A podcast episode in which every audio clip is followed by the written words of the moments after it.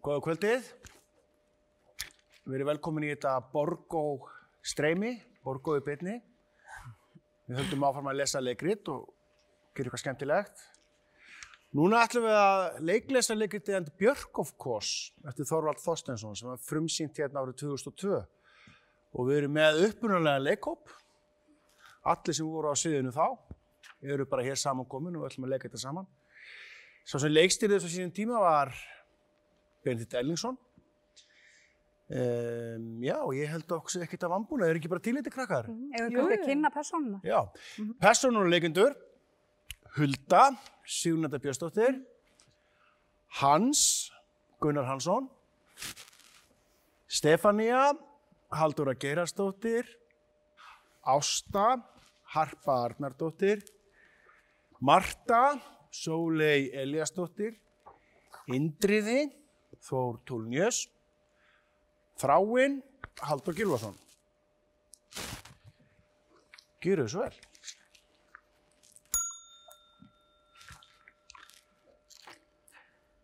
Stundum óska ég þess að ég væri vangefin. Þá sé ég mig fyrir mér skáeigan og skelli hlæjandi í hópi fólk sem svipað er ástætt fyrir og, og ég er ávíkjulegs og fullur af óhamdri orku. Hrópa ég af fögnuðu þegar við förum í hústýragarðin. Sjá dýrin ríða! En, engin krefur mig ábyrðar, engum dettur í huga ég hafi raunverulegan skilning á réttu eða röngu eða kunni að haga mér á viðegandi hátt við ólíkar aðstæður. Ég ætla að fá meira, ég ætla að fá alla kökun og kóki. Og í gerfi hins vangefna fæ ég að segja það sem ég hugsa. Vera eins grófur og groppin og mér sýnist. Káfa á því sem ég gyrnist og dundra því sem ég á annar borð kemst yfir. Heiðu, þú ætna að steppa, vittu ríða? Ég má búast við tiltali þegar ég er beinlinis farin að meiða fólki í kringum mig, en refsingar hafa enga merkingu. Ég, ég veit ekki betur. Ekki vondu aftu, nei, nei. Ég þarf ekki að opna bref frá skattinum, muna ammælistaga í fjölskyldunni, kunna á bíl, eða hafa góðan tónlistasmekk. En í hvert skipti sem ég kýsa tjámu um eitthvað smáatriði sem tengist öðru en mínu eigin búksorgum, mætir mér brosandi starfsfólk sem að hælir mér fyrir að vera með á nótunum. Og þegar sjónvarpið gerir sína árlegu yfirbótafrétt um vangefna fólki í landinu, er fréttastelpunni vísa til mín. Að því að hann á nú ekki vandrað með að segja sína meiningu, hann er nú alltaf svo sniður þessi kall. Og hún sest hjá mér með blússuna hættulega flegna og hálf kallar til mín spurningarnar og ég belja slefandi og stóregur á einbytningu á móti einhverja djöfisins vittleysu þannig að allir séu ánæðir. Bílstjóri á fimmunni er vinu minn. Hann gummi á fimmunni er vinu minn. Já, eru þið svona miklir vinir þið gummi á fimmunni? Ríkistjórnin ekki vinu minn.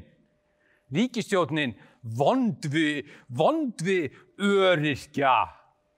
Já, mér skilst að þú hafið ímislegt störf stjórnvalda að aðtuga hans. Ertu ekki hress með störf þeirra? Og þegar hressilegu spjallinu líkur og við göngum út úr herbyrginu mínu og inn í matsalinn, þar sem búið er að taka til kaffi og með því handa sjómarsfólkinu, er fréttastelpan skrefinu á undan mér en þarf aðeins að stoppa til að hleypa stráknum með alla snúrurna framfyrir og þá er ég komin upp að henni og smegi höndinni framfyrir annað brjóstið og tek þétt utanum. En hún færir lúkuna af langþreyttri tútunni og segir svona, svona og ekkert meira. Því ekki vill hún vera ásökuð um fordómagagvert minnulutahópum og svo vita allir á svæðinu að ég er eins og ég er. En mitt vandamál er að ég er kvorki vangifin nýja eins og ég er. Það er mín prívat föllun í þessu lífi.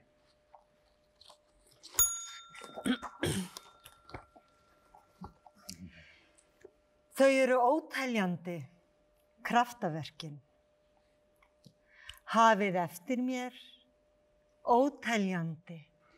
Óteljandi. Ég hef séð blind fólk fá sín.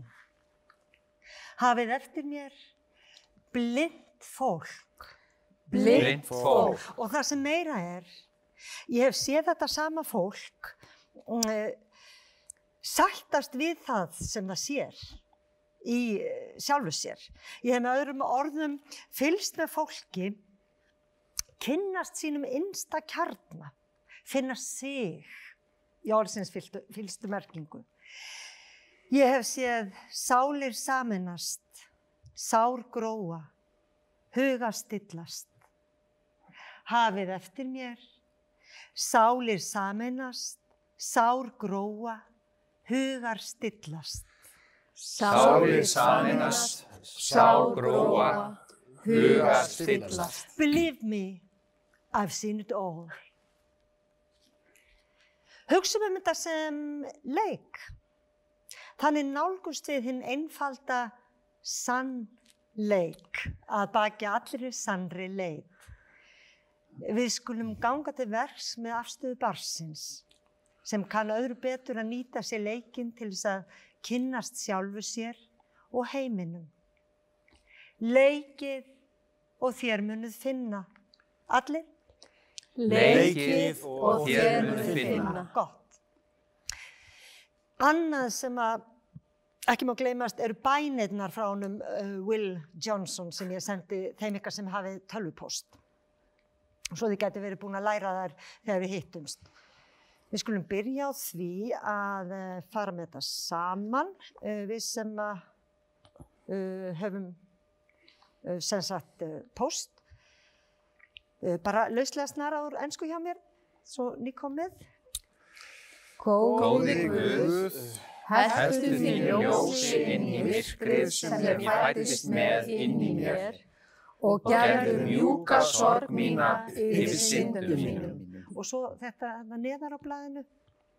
Herri, ég er hérna með fyrir ykkur sem ekki prentuðu út. Ég hef tilgang, Ég er hluti í keðju sem tengir fólk. Guð hefur ekki skapað mig til einskis. Þess vegna treysti ég honum. Hvað sem ég er og hvað sem ég fer, þá er ekki hægt að útskúfa mér. Vegna þess að Guð skapar ekkert án tilgangs. Amen. Gott, mjög gott. Já, ég er vön svona í upphafi að um, fara hringin, sér svona, og byrja fólk að kynna sig. Fólki segir þá til naps og segir okkur hvers vegna það er hérna og ekki segja okkur hvað þið gerir, muniði. Þannig viljum við ekki nálgast hvort annað. Hér eru allir jafnir og heldur ekki segja frá því ef að þið eru tengt innbyrðis. Ég veit að hér eru hjón en um, við skulum ekki upplýsa það strax. Og uh, heldur ekki þá staðrind að hér er einstaklingur sem hefur kynst lífinu í sinni verstu mynd. Orðið illa úti og er þá vægt til orða tekið og eins einstaklingur sem að enn hefur ekki þurft að berjast við eitt eða neitt. En um, það er eins og ég segi bara um að gera gaman að þessu og slaka vel á, ekki tala um lengi. Ef að, ef að þú vildir byrja, já, eða þú, nei, nei, ekki þú, uh, hún, Já, komið öll blessuð og sæl. Ég ætla nú ekki að hafa þetta langt en uh, svo ég segi til nafns eins og ástokkar stakk upp og við byrjuðum á. Þú nefndir það, ekki satt? Þá heiti ég bara Hulda.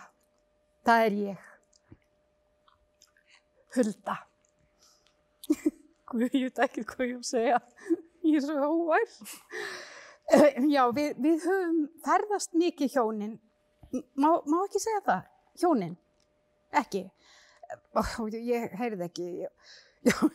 Auðvitað má segja það. Það er nú einu sinni staðreind að við erum hjón, við hjónin og Og við erum mikið á ferðinni, hjónin. Hm. Sjálfsagt minna heima en fólk almennt. Ekki það, við eigum yndislegt heimili. Herbergi, herbergi, herbergi, stofa, eldús, snirting, gestasnirting, forstofa, sólpallur, geimsla. Þú, þú varst að spyrja um það. Gestasnirting, það fór ekki fram hjá neinum, er það? Ég dó einu sinni inn á gestasnýrstingu. Já, ef ég má. Endilega. Já. Já, sjálf hef ég þann háttin á að láta aðra um að lifa sínu lífi. Þekki hvorki afskiptasemi nýja þörfina fyrir að dæma aðra. Ég þakka Guði fyrir það. Mjög gott, Hulda. En hvað er það sem... Uh, Er að? Mm. Varst að meina hvað væri að? Nei, þú, þú leist hann eins og er ekki eitthvað að hjá öllum hvað sem er og þannig séð ekkert að hjá neinum ef maður miðar núlstillinguna við alla. jú, það er oft það sem við miðum við. Jú, annað fólk. Null. Það, hvað segir þið hinn um það? Já, mér liður oft þannig að, að ég sé allir algjört núl. En svo ég ljúki þessu þá langar mér bara til að vera hamingisum. Og það er ástæðan fyrir því að þú ert hér sem sagt. Ég, ég, ég er alltaf einum það. Langar ekki alla til að vera hamingisamir. Þið eru all hér til þess, er það ekki?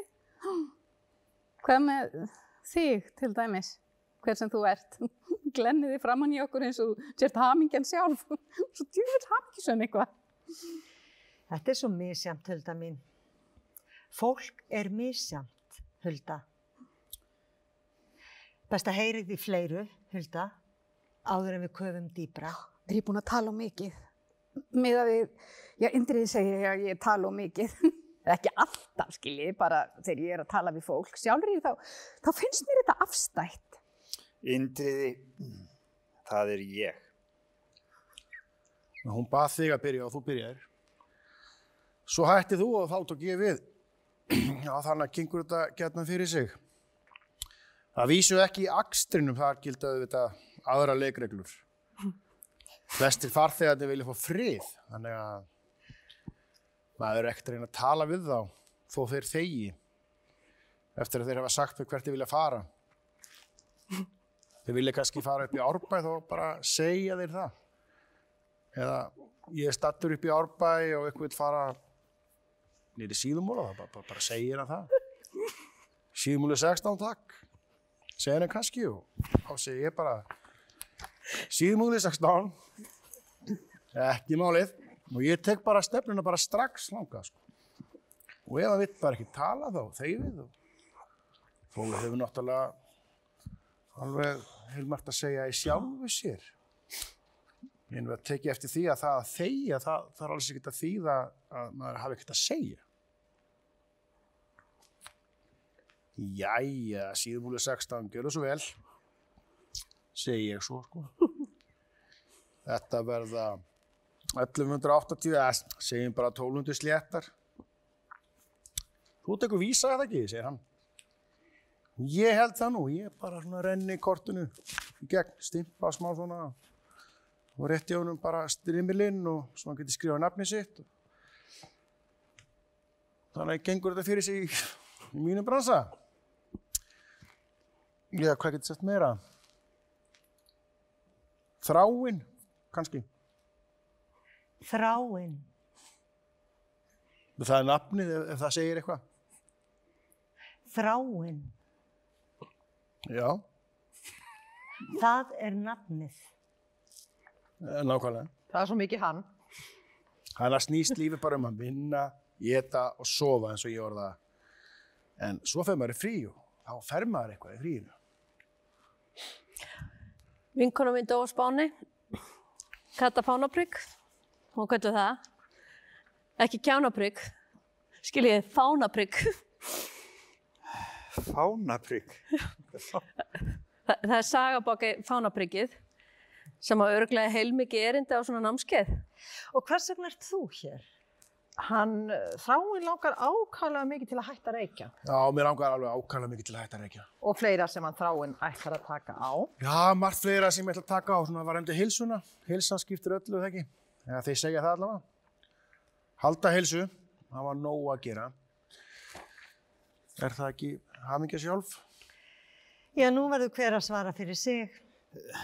Hafið eftir mér hver fyrir sig. Hver Hver fyrir fyrir sig. sig. Takk. Vinna, geta og sofa, það er málið. Svo fer maður í frí og þá fer maður eitthvað í fríinu, það er heilamálið. Halda hilsunni, eins og ég orða það. Það stakst í hana prikið. og Hún hljópa veggin, þið vitið, í lobbyinu og íslenski fánun sem hún held á, e- eða prikið, það stakst í brjóstið á henni, í gegnum hjarstað. Það var svo sem ekkert langt að fara fyrir prikið. Hún var bara tíu. Takk. Og hvað segjum við í dag? Ég, eh, þú ert að spyrja hvernig ég hafi það. Eh, Ég er ákvæmlega sátt, sátt við mitt líf sem slíkt. Nú orðið. Ég er ekki fordóma full, til dæmis. Ég er eins og hún hulda hérna með, með það á ekkert sögótt við nokkurt mann. Eh, Það var ekki ég sem tók þátt í samkeppninu á sínum tíma, það var sýsti mín, hún Steinun, blessunin. Ég er Stefania, ekki Steinun, sem betur fyrir. En við erum líkar, eða vorum, hún er orðin afmynduð að spiki í dag, óhámingjan uppmáluð þrátt fyrir allt, þannig að það er eðlilegt að fólk ruggli okkur saman, mér núna og myndin af henni eins og hún var þegar hún var upp á sitt besta, grönn og, og glöð. Ég meina, ég ruggla ykkur saman líka, samt eru þið ekkert lík, ekkert ykkar. Þið eruð öll eins með það, nema hvað. Ég hafði alltaf áhuga á útivist og ferðalögum eins og hún sagðist hafa, þó ég var auðvitað fyrst og fremst námsmaður, sem hún var aldrei, og frábær sem slík. Hér má ekki segja um mikið skilsmér, þannig að ég læt næja að segja að ég hefði getað orðið vel mentuð á mínu sviði. Líklega eitt best mentaði Íslendingurinn á mínu sviði. Hefðu hlutirnir æslast hannig. Eða ekki æslast hef, já, eins og ég segi, á þessu ákveðna sviði ég nefni ekki. Og það kemur sér vel því að við ætlum ekki að fá að vita hvað sé það er fyrir síðar, ekki satt? Því nú erum við öll á sama sviði. Við töluðum eiginlega ekkert saman, samt við séum hvað svona hún gerði þetta. Leitin að lífshamingjunni, löngun til að hætta að reykja, halda heilsunni. Stefania, hvað rak þig á stað? Forvitni, Ásta. Veistu, fyrst og fremst, fyrst og fremst forvitni. Frábært, allir forvitni. Forvitni. Já, hérna, hvernig þið láti. Já, svona verða orðin manns fleig, ekki það? Ég er þeirra skoðunar að sá sem ekki er forvitin um það sem lífið býður upp á sé dauður maður. Og Guð gaf mér sem betur fer, auk góðra gákna og gladverðar umburðalindis og ljóðelsku, stóran skamt af forvitni. Munið eftir læginu sem Björk söng. Kata, kat með ljósa lokka, lífsglöð, hefur yndist taka. Kata, kann svo vel að rocka, rock. Ég vorkenni því fólki sem telur sig vera búið að finna sig í lífinu, búið að missa, ég búið að missa þorstan. Það er búið að slökka þorstan, er sloknað. Ég get ekki umgengið svoleiðis fólk, þó ég neyðist til að gera það, starfsmýns vegna. Nefnið það ekki annað en það, starf. Hún tók það fram í byrjun að við ættum ekki að segja hvað við störfum. Hún er smá, hýr á brá, horfið á, svo er kná, allir þrá að sjá. Akkurat, og nóg, nóg um það í bylli. Nú, þá er það hún uh, Marta okkar hérna. Já, komst þú loksins að. Hún hefur gaman að því að vera með fólks og er alltaf að læra eitthvað nýtt, ekki satt? Mm. Og hún er hérna fyrst og fremst til þess að hafa gaman á þessu. Mm. Ákala létt og skemmtileg stelpa sem engan trublar, en hef, hefur að miklu að miðla. Duglega að skrifa og setja saman. Hún vil kannski kynna sig fyrir okkur sjálf. Nei, það er algjör óþarfi á þessu stíði. Jú, hún er ekki mállaus, er það? ekki heyrist mér það. Þetta er mállaus. Ég tala aldrei með fullan munnin. Það var hálf mállaus stelpa í sama skóla og ég. Við þreytumst aldrei á að stríðinni. Þurfti svo lítið til að gera hún alveg snar vitlisra. Ég man til dæmis ef við makka vinkona, við gerðum það stundum að gamna okkar að bjóða henni lakrís. Pappina möggu, hann vann það, það sem þið vitið, það sem Appaló lakrísinn var framleitur en ja, þessi, þessi fríkið þarna, ég man nú ekki lengur hvað hann, hétt. Henni fannst lakrís alveg sjúklega góður, nema hvað. Við síndum henni stóran póka og sögðum henni að hún mætti eiga hann ef hún... Þetta var svo fyndið. Ef hún sagði, elsku Hulda og Magga, viljiði gefa mér lakrís? Ekkert flókið í sjálfu sér en hún á vittlust til þess að reyna og útkoman, hún var einhvern veginn svona. Hulda og Magga, viljiði gefa mér lakrís? og hérna var það alveg trillingslega fyndið. Eða, hún sagði náttúrulega ekki alveg lakrís, heldur bara la og, og hérna, já, hún gat nefnilega aldrei sagt lakrís. það var bara ekki hennar deilt. En hún hamaði samt þvílít rauð í framann á orðinu la, la, hi, hi, hi, hi. Að því hann langaði svo mikið í helvítis pókan þannig að við gátum ekki haldið lengur niður í okkur hláturinn. Og sögðum henni að hún fengi engan lakrís hjá okkur. Vist, hún gæti ekki einu svona sagt orðið almennilega. Æ, það sem við gátum skemmt okkur yfir þessu aftur og aftur. Þá mátti svoleiðis. Nú má ekkert djöfus tillit sem er að drepa niður allt sem heitir mannleg samskipti Minnst ekki á, það er ekkert sem áorðið. Ef maður sé nógu djúvillig áskoti fallaður. Hugsið ykkur, þeir sem eru nógu miklur aumingjar eru með sérmert stæði og bestu stöðum í bænum. En við, þeir sem, sem erum, erum þó að gera eitthvað í samfélaginu, við erum hundeltir fyrir að parkera bílum í smástund nógu nálægt skrifstofu raskatinu sem maður á erindi til þess að ekki á hættu vera kyrðu niður og enda sem eru ekki með sérmert stæði. Það er eitthvað glóri í þessu. Já, býðum við, hver var það eftir? Já, þú kannski. Uh, já, ég, uh, ég heiti Indriði og það má segja að ég sé fyrst og fremst skólamaður. Ég gekk líka í skóla. Þú ættir ekki að hafa mörg, mörg orð um það. Ég minni á einmitt að við spörum lýsingar á, á starfi sem að, Ég á alla skóla eftir. Það er stórkostlegt að eiga allt eftir, svona ungur og fallegur. Já, ekkert eftir. Indriði, ekki þú Já, ég, uh, ég hef verið skólamaður allt mitt líf, er óhætt að segja. Þið fyrirgefið en ég, ég bara kemst ekki hjá því að fyrst sem nefandi og eins og þráinn vinnu minn og, og síðar sem kennari.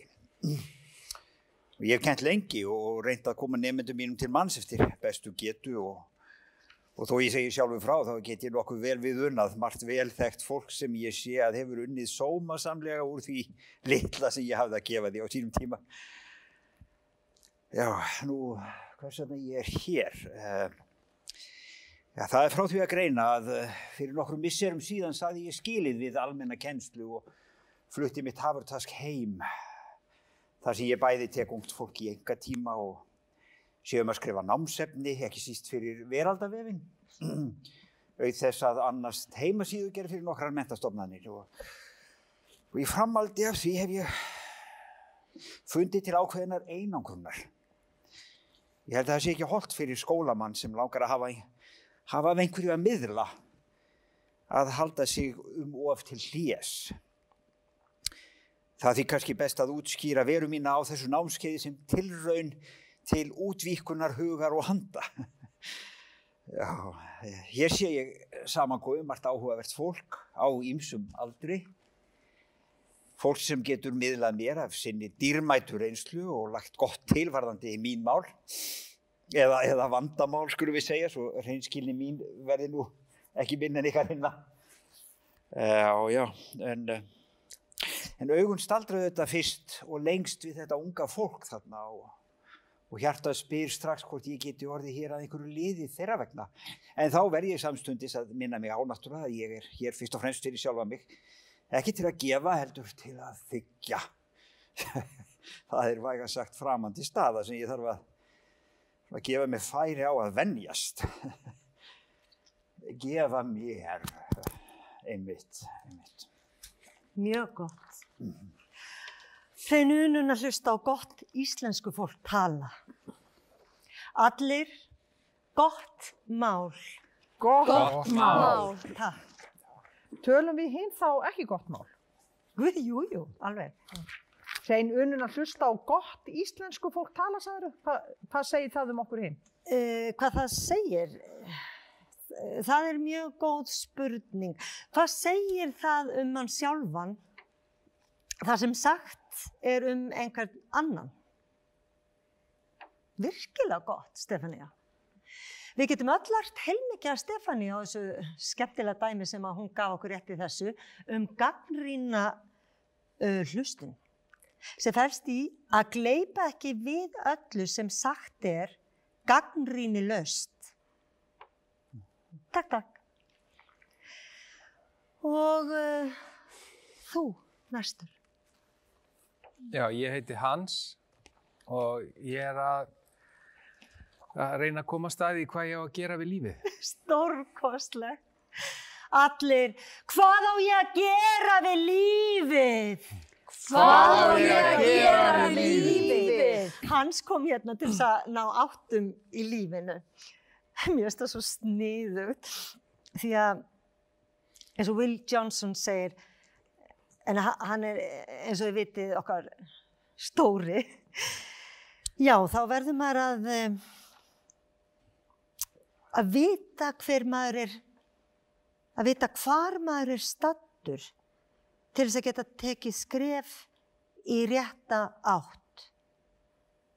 Eh, Eða einhvern veginn svona sem hann orðaði það. Guð forði mér nú frá því að reyna að hafa orðrétt eftir honum. Mann er náttúrulega snillingur. Ó, talar einsku. Að ég tala ennsku. Sjálf tala ég. Indriði hefur starfað sem námsráðgjafi. Hann þykir mjög góður í að ráðleggja ungu fólki um hvert það eigi að stefna í lífinu. Hálgerður snillingur í því, á því sviði. Það efa ég ekki. Hann á spurningalista sem hann leggur fyrir nefndur sína. Akkurat. Hann hefur náð mjög góðum árangri. Stórkostlegt. Margir eru stattir þar sem þeir eru, bara út af Indriða. Nú, hvar eru þeir stættir? Þar sem þeir eru, sagði ég. En er það nálagt staðnum sem þeir ætlu þá? Er það ekki stóra spurningin? Svo ég tala sem legubristöri. Já, svo við rifjum upp aðeins, þá vorum við sem sagt að spyrja hans. Hvað langaði að verða þegar yrði stór? Segð okkur, hvað er það sem helst kemur til greina? Mig langar að reka ráftækjaverslun. Gott. Mjög áhugavert starf. Þú lærir reyndar ekki að reka ráttækjaverslun á þessu námskeiði en þú er tíman fyrir þér. Mér langar til þess að skilja hvernig rafindasmásjá Já, virkar. ég átti smásu þegar ég var strákur. Ég skoðaði inn í húðsýni og ánamaðka og blóð og dauðar flug. Döðaflugur, einmitt. Þú líka? Mér, mér langar til þess að vita hvers vegna sumi geta hætt þegar þeir vilja hætta einhverju en aðrir get ekki hætt þó þeir vilja. Óskaplega stór spurning. Ein af stóru spurningunum. Og þetta segja það. Mér, mér langar að læra líffræði og sálfræði og mannfræði. Indriði kennir líffræði, e eða kendi líffræði. Líffræði er eitt af því sem Indriði kendi sem valgrein á meðan hann kendi. Sjálf skil ég ekkert í líffræði. Hafið eftir mér líffræði. Nei, nei, nei, nei. Líf? Og hann, Já, mér langar að skilja eðli sjúkdóma og koma í veg fyrir að þeir breyðist út. stórkostlegt. Þar ertu á réttilega. Mér langar til að snúa kettling úr hálsliðnum til að vita hvort að hann tekur dauðakippi á eftir. Hann reyfist ekki. Og mér langar til þess að skilja hvernig sköpunagáfan starfar. Ég veit ekkert hvernig hún virkar. Samt er ég skapandi listamæður. Mátti ég ekki segja það? Mér langar að vera vinsæl. Og mér langar til þess að komast í valdastöðu í samfélaginu. Og mér langar til að komast að því hvað ég þóli mikinn sársöka á þess að missa meðvitund. Og mér, langar til þess að læra að minnst okkur sex tungumál. Ég kann sjö tungumál. Mér langar til að keira á ofsarraða inn í stóran hópa fólki og mér langar til að stopna sjónvastöð. Mér langar til að vita hvað aðrir sjá þegar þið sjá mig. Þar held ég að við getum hjálpað þér. Ekki satt? Allir. Hvað sjá aðrir þegar þeir sjá mig? Hvað sjá aðrir þegar þeir sjá mig? Mér langar til þess að lesa allt sem að skrifa hefur verið og heyra alla tónlist að minnstakosti einu sinni og sjá allar myndir þó ekki nema sé andatak og, og mér langar að kasta mig fram að hári byggingu. Og mér langar að taka utan um brjóstin á konunni sem stendur fyrir fram að mig í rauðinu og kreista þau þannig að það líður yfir hana. Þráinn, Já. hann langar svo margt. Já. Mér langar til að þurfa ekki að bera ábyrð á neinu. Mér langar til þess að njóta þess sem að lífi býður upp á og mér langar til að taka þátt í hópnaukunum. Nokkuð varið í þær. Nefna fyrir þessa sem er nauka kannski. Hún fara að aðteglina, ekki sett? Já, þú segir nokkuð. Fyrir ekki, ég mista. Hún Marta, Marta var að bendunum hans á að það væri líklega ekkert varið í að taka þátt í hópnauðgunum nema vera þessi sem nauðgaðir. Fjandinn allir hún veit um það. Já, hvern fjarnar veist þú um það? Nei, þú fyrir ekki. Ég endur tek bara það sem, Hef, hefur ykkur aldrei dreymt um að vera miðjan í partíinu? Hvað sem það kostar? já, þú segir nokkuð nei þegar þú segir það þá, jú, auðvitað, þó við séum auðvitað ekki að tala bókstaflega. Eða, ha, er það? Mér langar til þess að geta skapa mikið listaverk. Já, þá verður nú að læra, góði minn. Öðruvísi verður aldrei annað en efnilegur. Þú ég tala nú bara reynd út sem keramikar. Mér langar til þess að lifa fábrotnu lífi. Mér langar til að skinja fegurðina í því smáa. Mér langar til þess að eiga alltaf fullt af peningum og mér langar til þess að skilja lestunar og losunabúnað á flugvöllum, bæði fyrir farangur og farþega og mér langar til þess að geta haldið döðvan og sjúklingi á lífi eins, eins lengi og mér hendar og mér langar til að deyja. Já, það stendur sérstaklega mikið til. Marst sem kemur til greina. Indriði. Þú er kannski eitthvað um þetta að segja sem fyrirverandi námsráðgjafi. Það er gaman að þessum krökkum. Ég elska kraftmikla krakka. Indriði elskar þessa krakka. Eins og þennan strák, rosalegu kraftur í þessum strák. Er, ég kannast ekki að við hann úr hverfinu. Það er mikið spunni í þennan dreng. Og það eru stórkostlega. Og það er bara um að gera að hafa gaman að þessu, eins og þessi strákur. Hann hefur bara gaman að þessu. Óskaplega gaman líka hjá okkur hinum, er það ekki? Er Ekki fólk frekar svona lukkulegt með námskeiði hinga til. Þetta er ágætt. Ég hef ekkert reykt sem við byrjum, þannig að þetta er eitthvað að virka.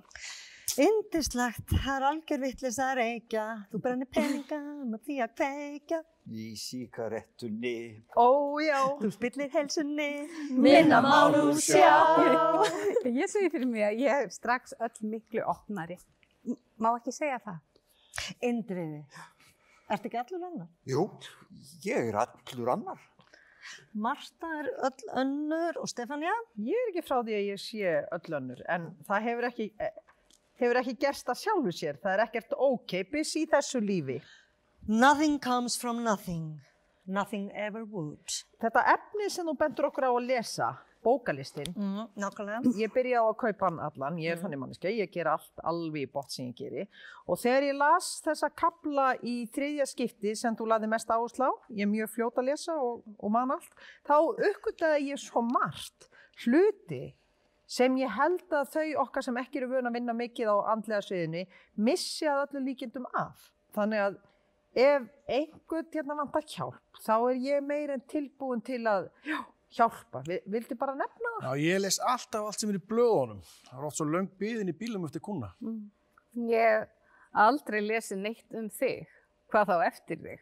Ég skal lesa fyrir þig, um mig, eftir mig.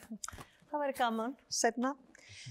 Will leggur mikla áherslu á að halda sig við bókina til að byrja með. Á miðöldum var tæknilega mögulegt fyrir fræðimann að lesa allt sem til var á bókum. Hann gætt ferðast milli allra klustra á meginlandi Evrópu og Asíu og komist yfir að lesa allar bækur. Hann gætt vita allt. En veistu hans, það er engin laust að vita allt. Ég þekki það.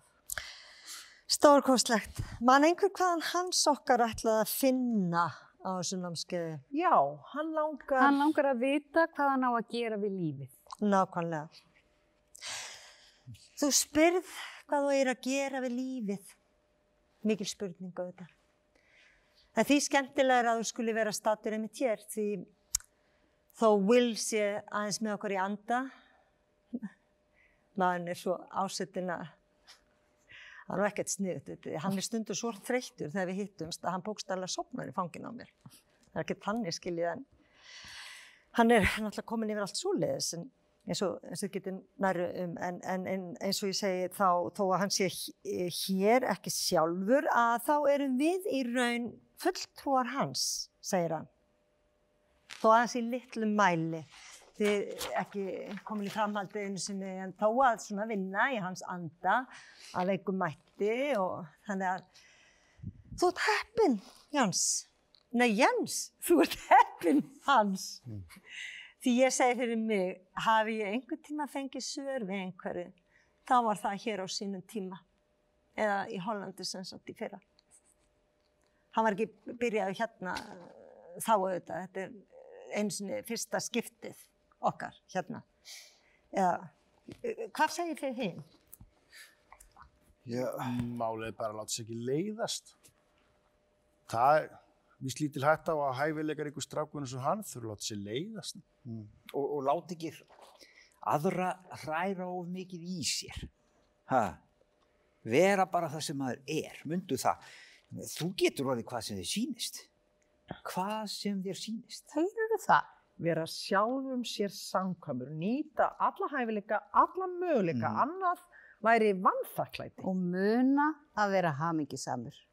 Maður með aðrar eins guðskjafir ætti tæplega að vera annað en hamingisamur. Og flækja hlutinni geta allt og mikið fyrir sér. En það er mitt motto. Og láti ekki aðra stoppa sig. Gleima sér ekki meðalmennskunni. Sín okkur hinum hvers maðurinn er megnugur. Og takt eftir því sem Indriði segir. Hann er þaulvanur í svona. Og vera með á nótunum. Fylgjast með umræðinu og auðvitað vera heiðalegur og, og tillitsamur og hjálpsamur og allt það. Að þóra. Það er málið. Þú ert nákvæmlega þannig maður sem þórir. Þú sýnir gott fordæmi og þá fylgja aðrir á eftir. Svona fallegu strákur. Hvað er þetta gaman? Þorir að vera hamingisamur. Var ég búin að nefna það? Það er ekkert mál að vera til, sannaði til. Þú bara átt eftir að gera gott. Það er ekki spurning. Þetta verður ekkert mál fyrir jafn hæfileika ríkan mann og þig og, og sterkbyðan. Og mér langar að deyja. Var ég búin að nefna það? Það er vist glettilega algengt að fólk kjósi að stýtta sér leðina, sjá ekki ljósið, ekki síst í byrjun námskeiðsins. Það er vist myrkur í manni þegar unnið er á miklu dýpi, segir Will. Miklum hæfileikum fylgja margir möguleikar, segir líka annar staðar, og sá á kvölina sem á völina líka. Jeg veit hvernig hún líður. I've been there. Ik heb en deze positie blift. Jeg har været i hans spor. Nákvæmlega. Fæðast í dag, þetta er eins og að komin á vídeolegu þegar maður er ekki alveg búin að ákveða áður en maður leggur á stað hvernig mynd maður langar í. En svo að reyna að ákveða í hverju maður að fara til dæmis í jarðaför. Þetta er ekkert mál með kattmannina, ekkert mál. En ég segi fyrir mig, ég lendi alltaf í vandræðum. Sérstaklega ef þetta er einhver ekkert mjög nákomin. Mjög aðteklisvert. Hvernig þið lýsið þessu lífinu á ég við. Við getum nýtt okkur þetta sem... En þetta er ekki svona einfalt. Nei, nei, nei, nei, nei þetta ekki. Uh, hvað með ykkur hinn? Hvernig leistu þið þetta? Hulda? Hvað langaði þig að verða þegar þú erið stór? Þegar ég var lítil stúlka, þá langaði mig að verða hamingjusöm þegar ég erði stór. Svo var ég ke- keramíkar og glerlistamaður. Eignaðist kennara sem mann, sem skapar auðvitað ómetanlegt öryggi gafast börnunum, hefðu þau komið. Kefti með honum hús með mörgum herbergjum, miðsvæðis sem þó á sjávarlóð. Ferðaðist meir en flesta vinkonum mínar, hjónin eigum marga vini fyllti stofurnar af framandi gessemum og einstaka heimabakaður í köku þegar vel á að mér og já, mér finnst draumurinn hafa ræst. Draumurinn um að ég yrði hamingjusum þegar ég yrði stór. Gallinni bara sá og ég hef enga viðmiðun. Hefði ég geta orðið hamingjusamari með öðru manni, í öðru húsi? Eru aðrir hamingjusamar en ég? Hvernig mæli maður svona? Hvað getur maður með? Þegar ég var lítið stúlka, e- eigum við nokkað að tala um það, þá vissi ég ekkert nokkurt skapaðan hlut. Núna veit ég miklu meira en ég, en ég átti góða að, naut mikill að hlýju og fekk heilmikla aðtekli. Afi blessaður var óþreytandi að vera með mér, nákomin mér eins og ljóðhöfundi. Þá gaf fólk sér tíma til að sinna börnum, ekki eins og í dag, eins og dæminn sanna. Skelvilegt ásamt bara, alveg skelvilegt. Ég var lítið drengur, ég hef óskaplega gaman að ég að ferðast. Ég hef komið til margra ólíkra staða. En þeir eru það sameiginlegt að, að ég þekkti enga þeirra sem bann. Sem strákur þá þekkti ég bara Luxemburg og Legoland. Það voru einu staðið sem að mér langaði að heimsækja þegar ég er því stór. Sem segir okkur að það er alveg út í hött að vera velta sér upp úr því hvað maður vildi. Maður vissi anskotan ekkert hvað raunulega var í búði. Og kannski veit maður það ekki enn. Kannski hefur ekkert breyst með það. Hvað? Er ég á djúpur? Þegar ég var lítið stúlka, langaði mig að verða einhvern tíma lítið stúlka. Marta, Ég heiti Marta. barstu? Ég, ég vissi það ekki fyrir ég var 11 ára að agúrkur væri líka notaður í salat. Heru, ég, ég þekki þetta. Mm. Hún sagði frá þessu viðtali að mjög fínt viðtal. Já, var það? Mér finnst þú svo misjaflega unnin þessi viðtöl. Ég held líka að Matti frendi verið barnalæknir. Alverðinni. Nei, skiljiði, ég var alltaf á fótum þegar hann kom, en undir sæng þegar hann fór. Og þetta líka. Þetta var í blöðunum. Æ, það fyrir svo margt fram hjá manni. En svo var ég fullorðin og skildi að það er ekkert að óttast. Það því við erum öll í að prætt. Það er svo fallegt. Skilðu þið ekki rætt við hvað? Og það líka. Að skilja ekki. Það er mjög fallegt. Mér finnst best að skilja ekki neitt í neinu. Lega hlutunum bara gerast. Þeir eru hvort sem er ekkert að gerast. Það er mín reynsla. E ekki fyrir maður að segja frá þeim. Og það er ekki einu sinni nóg því þeir gerast ekki alvörunni fyrir einhver heyrir það sem maður hefur að segja. Þa það er umröðleikin. Mjög gaman. Þá hafa allir kynnt sig og ekki títi fyrstu að byrja. Indrið, þú vildi bæta einhverju við. Kanski að Indri að það hafi langað að vera lítill strákur þegar hann var lítill strákur.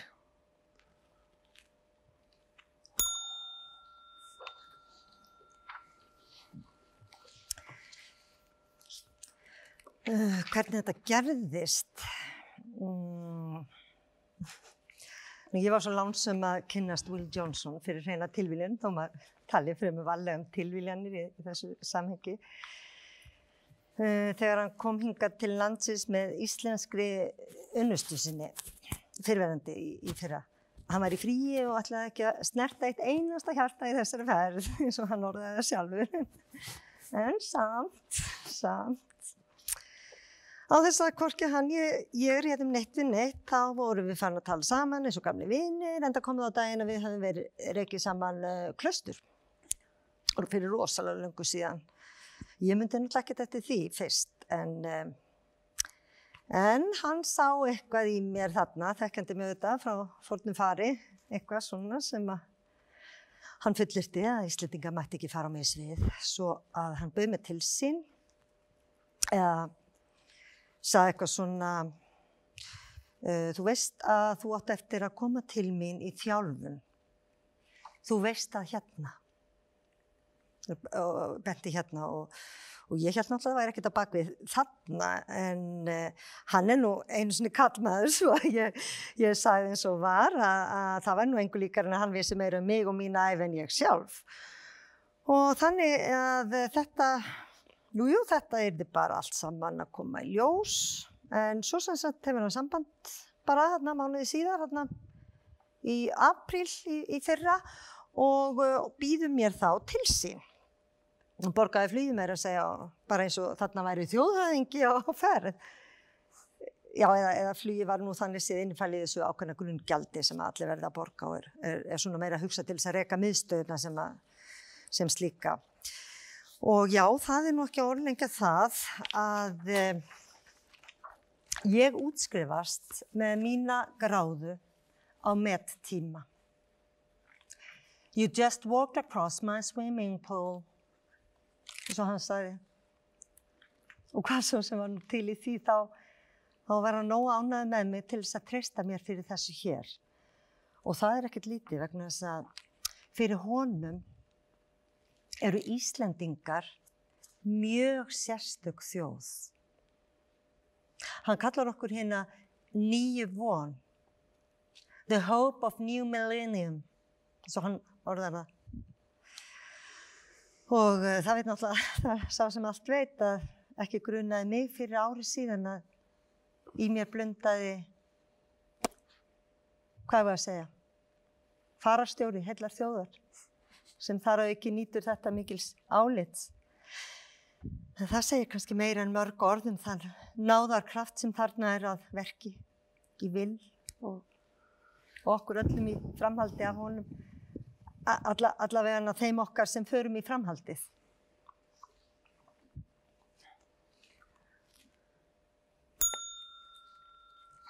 Fyrirgjöðu, var þetta þinn? Ég var ekki búin að velja neitt. Er það gerð? Hérna, taktu þennan. Æ, þakka ég fyrir. Má ég aðeins, takk. Var ég að skemmi eitthvað? Ekkert mál. Jæja, nú gerum við þetta í alvörunni. Erum við byrjuð? Nú er það lífið sjálft. Í alvörunni, var æfing? Fenguð þú hinn að æfa sig? Misti ég af tíma? Já, við erum búin að fá að æfa okkur allan tíman.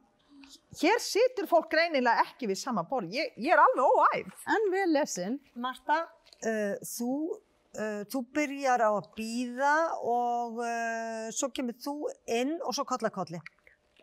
Langar ykkur ekki stundum að vera góð við hvort annað? Og þú býður hérna. Má ég vera nær neyðarútganginum? Mundi við okkur ekki líða miklu betur ef við gerðum meira því? Ert þú... Ha? Nei, meinar við... Já, já, Nei, nei, nei, nei, nei, ég... Já, ég veit ekki betur en að... já, auðvitað. Nú skil ég, auðvitað. Kanski snerta hvort annað, finna hlýjuna. Veit einhver hvað neyðarútgangurinn er? Hvað? Ekkert, ég held ég sé búin að ná þessu. Bittu, en þú, varst, varst þú ekki, Ég var einu svona með heilli áhöfn á einu kvöldi. Ha? Já. Uh, já, nei, nei, nei, nei, nei, nei, nei, nei, nei. E ekki þannig sko. nei, nei, nei, ég sagði, sem sagt, já, já, já, Þetta var norskt loðnuskip. Veit einhver hvað klukkan er? Enda ekki sko þannig séð, sko.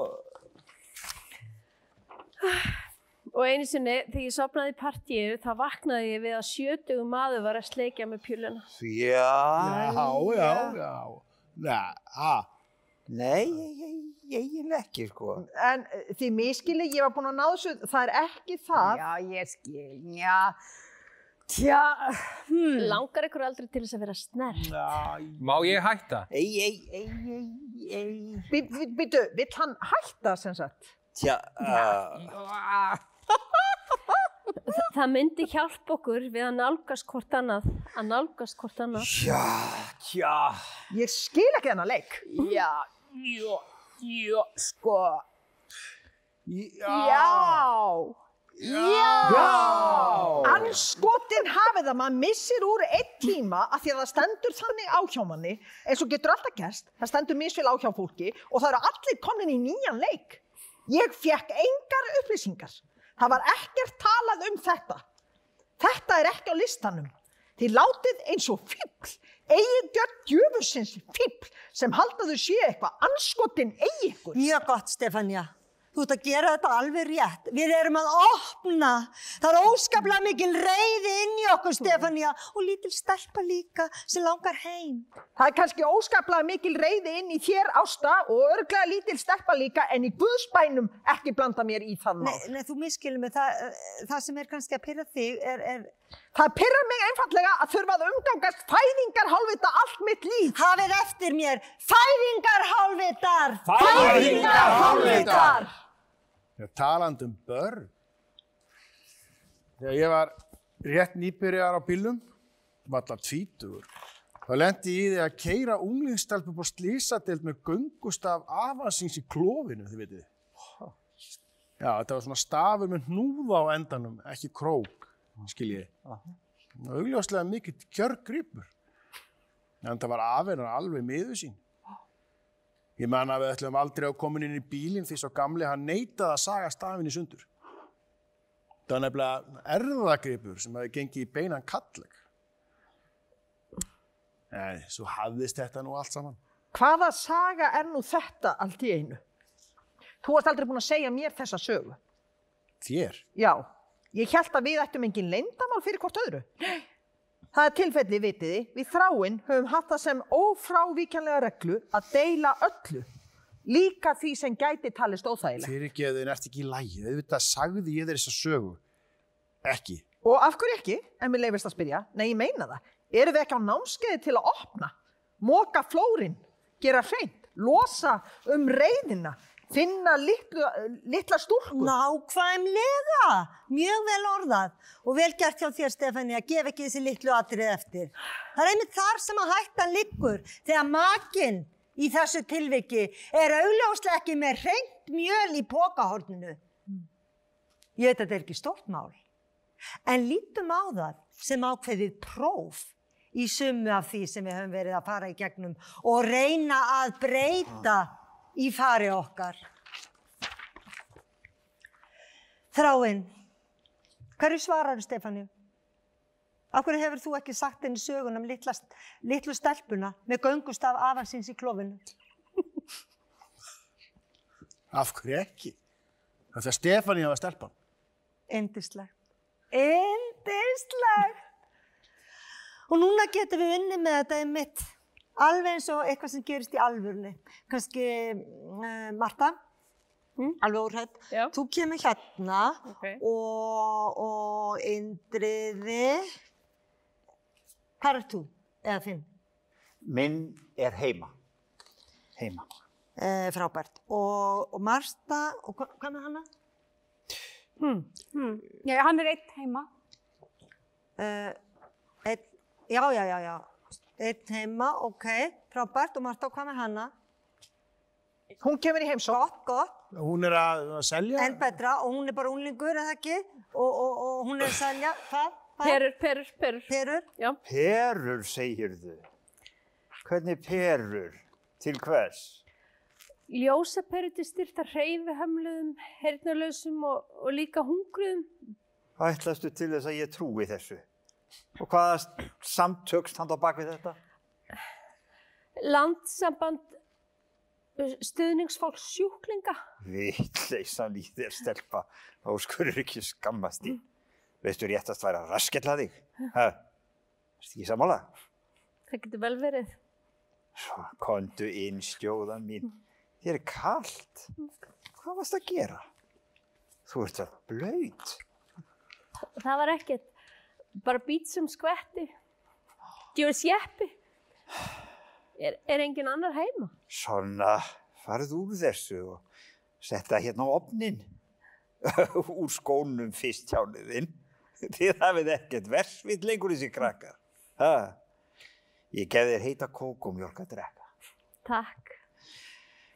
Finnst þér ekki gott að koma í heimsótt til mín? Er ekki betra en til hinna? Veit ekki. Þú ert svo eini. Eða svo fyrsti. Veistu hvers vegna þetta er betra? Það gerir regla. Fögur regla á öllu er einhver mesta príði hvers heimilis. Sjáðu hérna. Nei, í þessa áttjánaprygg. Sjá, stofa, eldhús, snirting, bað, herbergi, herbergi, herbergi. Mjög flott.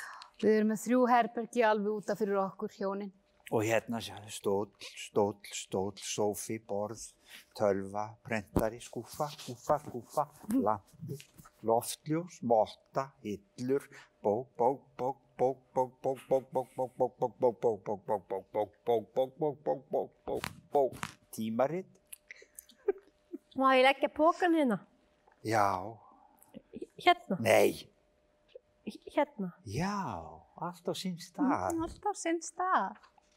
Takk. Oh, Hva- Hvaða lykt er þetta? hefur eitthvað svona fundið uh, brenna í brjóstið er þörfina fyrir að vera hrein. Að vera alveg flekklaug þegar hreint hjarta og vera ósnortin af öllu saulugu í hugsunum. Nei. Það getur vel verið. Ke- Kennir þú mér næsta vetur? Ren i sæder, ren i klæder, ren i sind og ren i skin. Må jeg sjå. Ég er svo silki. Má ég sjá. Ó, það er ennþá mýkra hérna. Má ég aðeins býtu? Færðu þið aðeins, já. Ó, svona. Þú ætlar þá ekkert að kaupa? Veistu hvað sumir menn er að gera þarna úti? Gerðu þau grein fyrir því hvað sem er að gerast þarna úti? Minn í stuði núna, aldrei les. Um hvaða menn erst að tala? Það skiptir ekki máli. M- Má ég fá perluna mínar aftur? Hvaða perur? Nú, svo þú varst þá með perur eftir allt saman? Já. Til styrta börnum sem eiga bátt. Það er nú hægt að gera yfinslegt við perur, skal ég segja. Gæti nú sínt þess eitt að hverju. Eru buksurnar ekki orðnar þurrar? Það er ratar og ekki alltaf beint í perustæðin þessar máttu vita. Kunstinn er að koma þeim alla leið inn á þess að það er brotni. Hvað ertu gömur? Stórkostlegt, alveg dásamlegt að láta allt eins og gerast. Til þess erum við hér og minnum okkur líka á að hlúa vel að börnunum og, og, og, og passa að, að já, já, já, munum semst að þau eins og, eins og segir hérna í bókinni að þau eru, eru our future, eh, blaðsíða 84. Gaman að sjá hvað Marta á auðvöld með að verða lítil stelpa. E eitt af því fáa sem að ég kann ekki. Hún er lítil stelpa. Krakkabjáni. Aldur er ákala afstætt fyrirbæri, Marta. Segð okkur, hvað varstu gömul þegar þú varst fullorðin? Fyrst var ég lítið stelpa, svo var ég fullorðið. Hún orðar þetta eitthvað svo rétt. Hvað segir þið hinn um það? Hvað er hans? Hún er voðalega lítið með. Hans! Hérna, Sanna kottikallinn. Hann vill kannski vera einn. Hvað vittlisa? Svona fallegu strákur og klár í kollinum. Hann ætti einmitt að vera sem mest innan um fólk. Þar leynast tækifærin í öðru fólki. Hann getur orðið hvað sem er þessi strákur. Feikilegu kraftur í þessum strák. Hans, svona kontu hérna til okkar. ég hef ekki tíma. Æ, hann vil bara láta ganga á eftir sér. Djúðus merki kerti, láta hann í friði. Já, lofum, lofum bara því að gera þetta ekki flókið. Ekki láta ykkur fara að sitja í ringi og ræða það að hans vilja ekki vera með, ok? Þú veist, ef hann vill ekki vera með, þá bara vill hann ekkert vera með. Þannig er ég, maður er að orða það. Þáttu síkartu. Smá pása.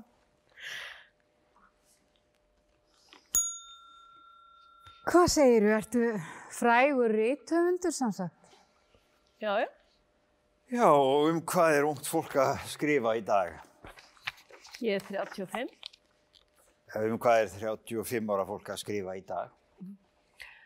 Um það hvernig miðaldra karlar eins og þú hafa mismótað mig frá því ég man eftir mér. Og hvernig ég vinn úr þeirri reynslu á kreatíman hátt.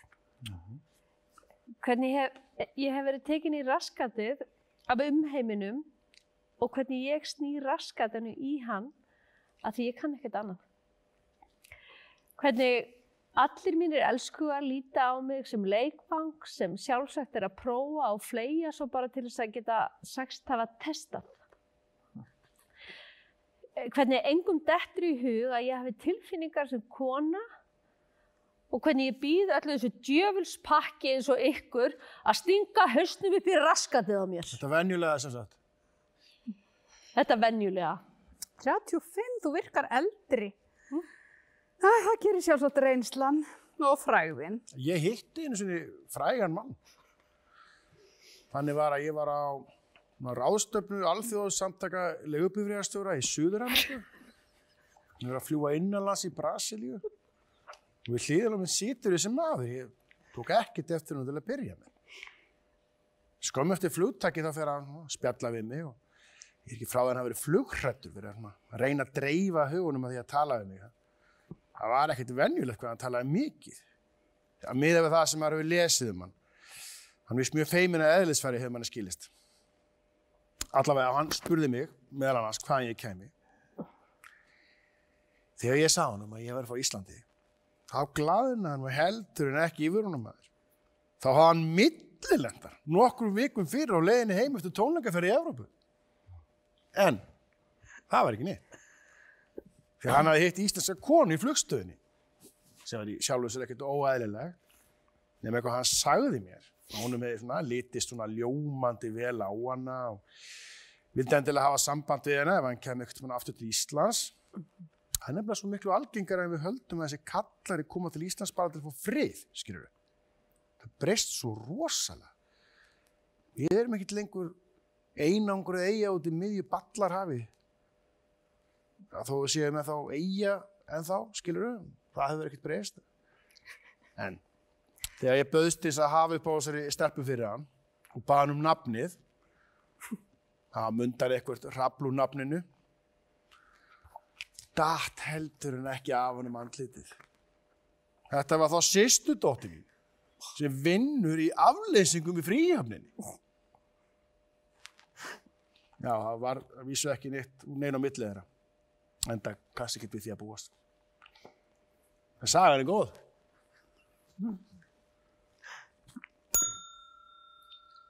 Hérna, Hárrétt, svona. nákvæmlega. Þú ert sá sem þú vilt, mástu. Allir, ég er sá sem ég vil. Ég er sá sem ég vil. Og Marta kannski? Ég? Já. En ég, ég er bara ég, kann ekki að leika neitt annað. Þá byrjum við þannig að þú byrjar á að leika sjálfa þig. Ok. hæ, Hver er þinn? minn, ég. Já, ég, ég er st- strákur, str strákurinn í næsta húsi. Ég, ég var að flytja í næsta hús. Þú mennir? Ok. Hæ, Hæ, má ég finna lyktin að þér? Veistu hvað ég er? Þú myndir ekki þóra að tala við mig að þú vissi hver ég er. já, já. Viltu vera mem? Hvað ertu gamall? Viltu ríða? Ég er tíu. Bara tíu? Hva- Hvað er þinn? Minn, minn er slökkvilismadur og minn kann að bjarga stelpum úr brennandi húsum. Eins og þú? Já, alveg eins og ég. Hvað er þín? Mín er stelpa. Alveg eins og þú? Já, alveg eins og ég. Og mín heitir Marta. Alveg eins og þú? Alveg eins og ég. Og mín er alltaf að leika sér með krökkunum í garðinum. Alveg eins og þú? Ha? Alveg eins og þú? Alltaf, alltaf að leika sér með krökkunum í garðinum? Æ, ég leik mér aldrei með krökkunum í garðinum. Akkur ekki? Af því ég, ég var vinsalasta stelpan í bekknum mínum. Krakkarnir þóldi ekki. Býtu, ég, skil ekki. Af því kennarinn sá ekki sóluna fyrir mér. Já, meina það. Ég, ég myndi kallana á stelpuna sem þau voru skotnir í þegar þau voru sjálfur strákar. En þorði aldrei að snerta. Ég myndi aldrei snerta þig. og, og ég myndi konurnar á allt sem ég aldrei hafi verið, nei, og ég myndi konurnar á allt sem aldrei hafi verið snert á þeim síðan þar voru litla stelpur. En hver ertu þá sjálf? Ég? Veit það eiginlega ekki. Eitthvað sem aldrei varð. Fint, fint, fint. Nú, Hulda kom með kaffið og Indrið sá meðlætið. Uh, Klöppum fyrir þeim, smá pása.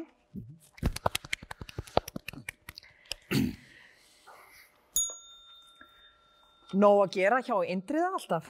Já, já. Og þú? Heima bara, eða ekkert bara þannig en þú skilur. Ekki að vinna neitt sérstakt. Ég er keramiker. Ég er með vinnustofu. Ég er mjög lítið heima hjá mér. Frábært. Samt ekki mikið að gerast í keramikheiminu núna, er það? Var það nema einn og einn bolli, er það? Hefða svona tilfinningunni? Kanski vasi líka? Ég er oftast þreytt þegar ég kem heim á kvöldin. Voða mikil þreyta í mér oft. Veit ekki hvort það segir eitthvað. Ég þekki það. Ég er aldrei þreyttari en þegar ekkert er að gera. Biðin er verst, veistu. Við ættum endur að fara að hittast hjónin. Það er ekki spurning. Uh. Njóta þess að hittast með, með, með fulla heilsu. Getum svo við hjá og svona. Þú ert mikill gleði maður þrái. Sá allra hressasti.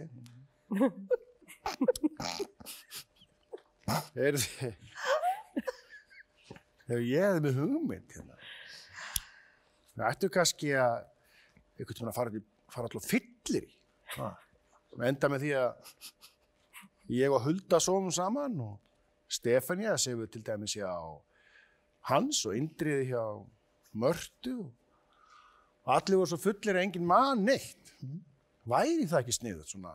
Er svona virkilega gott íslenskt partí? Hérna, einu sinni voru tvenn hjón að sofa saman í partíi en þegar þau ætlaði að fara fram úr þá þekktu þau ekki sundur á sig lappirnar.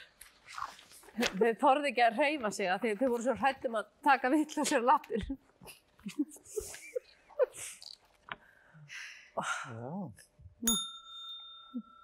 Útlendingar eru upp til hópa grimmar íslendingar.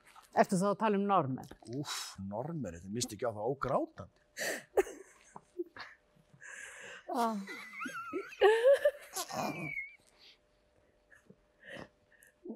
Normenn eru með stærri tippi en Íslendingar.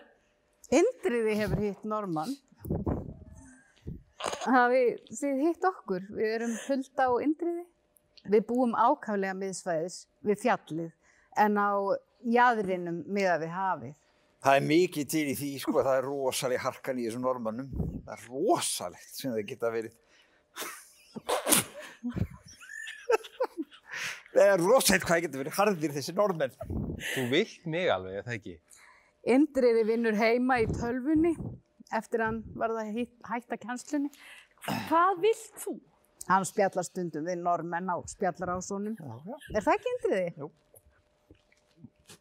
Í sögulegu samhengi þá sést að grimd útlendinga kannski, eh, já þá sést grimd útlendinga kannski best á Tyrkjaráninu og svo fjöldamorðunum í Bosníu, hvernig þeir haga sér, að, að maður tala nú ekki um Palestínu og svo allt þetta óbeldi meðal svartra í borgum í bandarækjanum, svo ég takki örf á dæmi á mörgum sem ég hef bæði lesið um og heyrt frá fyrstu hendi. Eða nefndi ég nokkuð 11. september? Ég hef alltaf verið hrifin á 12. september. Enginn tólkar hann betur en Elli. Guð, nei. Það er engin þjóð sem státar af jafn góðri söngkonu en Elli. Það öfund okkur allir af Elli. Og 12. september. Kannski er þetta fyrst og fremst öfund í útlendingum, ekki grimt. Stefania vill þig. Ég held að við ættum að fara varlega í að alhæfa svona. Ég meina, bæði eru útlendingar ákvæmlega margir og misjafnir og, og svo er grimdin og svo afstæð líka, bæði sem hugtak og ekki síður í framkvæmd. Hulda líka. Já, sjálfsagt. Þjóðvergin er mest í ruddin, en hann er hugmyndaríkur, elsku ég, má eiga það. Og þjóðvergin notar það mikið leður að það er hægt að láta hann snerta sig þess að vera mynda á hvað hann er ólánlegur í framann og feitur og húðin á hann hvít og bólugrafin. Ég kynntist einu sinni þjóðverja á Tælandi. Indri var annar staðar á meðan. Ég ferðast oft til Þýskalands á vegum Spítalans. Þar hef ég kynst mörgum þjóðverjum. Næ, ég sá fleiri þjóðverja á Tælandi en ég kynntist þeim ekki. Mér finnst framkoma franskra þjóna hafa lagast mjög mikið á síðust árum. Ásta er eitthvað að pæla líka. Ídalinn Kurtis sem ferðamaður. Þekktir Íslandingar eru mjög þekktir á Íslandi. Þekktir útlendingar eru ekki nærri því eins þekktir í útlöndum. Hvað segir það okkur? Ég hitt einu sinni bara mjög þekktan útlending og böðum í glas. að Hann lauk lofsorð á íslenska náttúru og íslendinga og sagðist alltaf að koma aftur. Og svo kom hann ekkert aftur. Það er kannski hitt einhvern sem var þekkt á klósettinu. Fór á þess að þakka fyrir drikkin. Ég myndi prófa þær allar. Dóni. Ef ég verið þú. Allar. Í alvörun. Væri þér alveg sama. En hann sagði eitthvað samt svona í, eins og í gríni sem hefði geta verið til þess að þakka fyrir drikkin. Sko. Akkur ætti mér að gera sama. Eitthvað svona thank you lot of much, þið veitir. Ég vinn bara hérna. Jæja, Hulda, Þetta gengur mjög vel, mjög vel. dásamlega. Æ, stórkonstlegt að lifa á tímum þar sem hægt er að læra alla skapaða hluti um lífið og sjálfa sig. Já, og hamingjuna. Já, Hulda, satt segir við. Indriði, Ah, Kondu hérna, Hulda. Réttu mér höndina. Líka að finna hvernig þessar einfaldu leiðbenningar og æfingar beinlis breyta manni. Kanski er það mesta hamingjan, að finna að maður getur breyst. Að maður hafi leifi til að breytast. Mm. Skrítið að hugsa til þess að þegar við byrjum hérna þá vorum við öll að leita að ólíkum hlutum. Þú, Hulda, Hráin, Indriði að víka, hans að fá einhvern botn og Marta. Hvað var aftur sem þú varst að leita? að? Leitað? A- Áttu að leita einhverju? Ég held að verðum að leika að. leikið og þér munu finna. Leita að leika, að, allavega. Núna hef ég á tilfinningunni að við höfum öll saminast í leitina því sem öllu skiptir. Kærleikanum. Mann kærleika. Mm. Stórkostleg. Þegar ég var að koma úr símanum frá að tala við Will sjálfan og uh, ég má til með að segja ykkur að hann var mjög snortinn af að heyra hversu frábæri nefnendur höfðu raðast í hennar fyrsta hóp. Hann sagðist bókstæðlega að sjá ljósin dansa út yfir hafinu, eins og hann orðaði það. Áróðururnar. Það er nafnið sem hann er búinn að gefa okkur. Hann nefnir, þú þú veist, alla hóparinn sín eitthvað ákveði í bænum sínum. I name you Aurora Borealis, hann. Norðurljós, það, það þýðir, Þetta er latína, það þýðir norðurljós. Já. Það er rétt. Hann kann sko að koma orðum að hlutunum. Þannig að við erum að standa okkur vel. Frábærlega. En auðvitað eins og hann myndi mér náttúrulega á, þá er þetta bara ennþá kynningarhluti, námskeiðinsins. Þó ótrúlegt með virðast svona miðað við. Já, ég ætla ekki að gera lítið úr því að við erum búin að fara í gegnum erfi tímabil. Þetta hefur tekið á, en uppskeran er líka ríkuleg. Ég hef ekki trúað því að maður ætti eftir að, að bara upplifa eitthvað í líkingu við þetta. Þessa hreinsun. Hreinsun, það er orðið. Hreinsun er orðið yfir þetta. Nákvæmlega. það er eitt sem að maður hefur aðeins verið að brjótast í mér. Já, út með það. Út með það, þráinn. Það er þannig sem við höfum það eh, orðið hérna, út með allt bakkið og bullið. Já, allt upp á yfirborðið. Já, mun að skilja ekkert eftir í hodnunum sjáðu. Ef við hreinsum úr okkur allan skítin eins og, eins og við höfum verið að gera, Svo sannarlega. hvert settum við hann? Jú, mjög góð spurning. Mjög mikilvæg spurning. Já.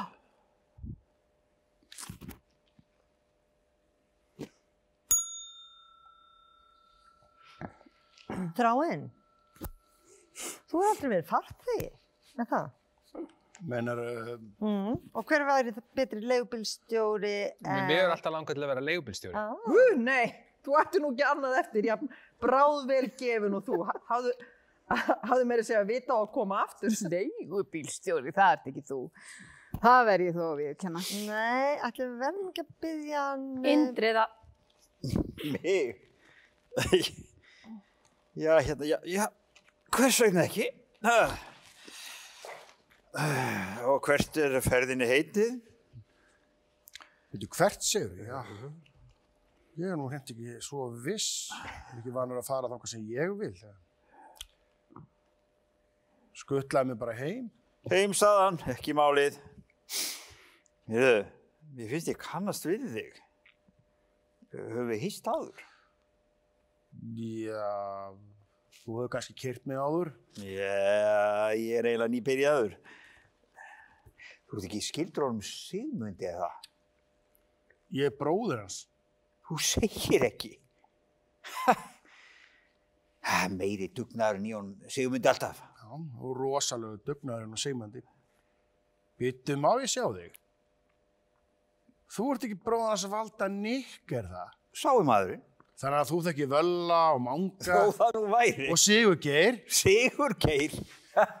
Hver kannast ekki við Sigur? Sá er búinn að standa sig vel, sá er búinn að rífa sig upp, það sem hann er búinn að rífa sig upp, sá dreng. Gamli góði Sigur Geir. Ég hittar einmitt um daginn. Já. Þetta er líka litla hressan. Bara núna á mánudaginn. Alveg dúndur hressan, sko. Með hópa vestur íslendingum. Það er nú meiri dugnaðan í svona vestur Íslendingum. Fýlíkt einvala liðið sem vestur Íslendingar, djöfn sem þeir eru búin að rífa sig upp. Margir þessi vestur Íslendingar fyrir vestan. Já. Eða akureyringarnir. Alveg með ólíkindum hvað þeim hefur tekist að rétta sig af þessum akureyringum. Alveg ótrúlegt hvað þeir hafa náð að rífa sig upp að það fyrir norðan. Þeir eru ekkert smá fríski núna. Akureyringarnir. Rosalegu kraftu í þeim. Og, har Alveg rosaleg orka í þeim núna. og harkan í þessum vestubænum, því líkur dundur mannskapræðin í vestubænum. Það er bókstæðlega bara ekkert gefið eftir í vestubænum núna. Ekki frekar hann í Garðabænum. Heyrðu, Sigurgeir hann var að segja mér á mándaginn að austfyrringar væri mikill í sókn. Hann sagði að austfyrringar væri mjög öflugið núna. Já, því gæti ég trúa. Og fyrir Sigurgeir segi það, það var óvægt að treysta því. Ég treysti engum betur en Sigurgeiri til þess að, að meta stöðun á austfjörðum. Eins og hún er núna, sko. Jæja, heyrðu, það verða, það var bara þúsund sléttar. Þúsund, býttu hvaða leið fórst eiginlega? Indislegt. Ó, þið finnir hvernig þetta losar um. Er ekki? Já, Já, það er, það er ekki spurning.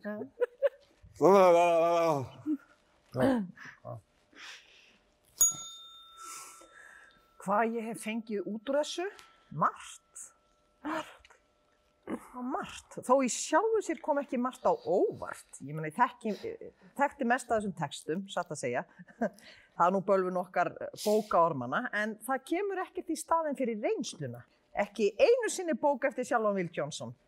Það segir Will Johnson í- einni af bókunum sínum. Ég er breytt manneska. Inn gekk ég, út kem ég. Myndið, ég, ég. Munur þarna sem er gott fyrir mig sem kynveru. Hér hef ég kynst fólki sem er mjög eh, gott fyrir mig, mig, fyndið.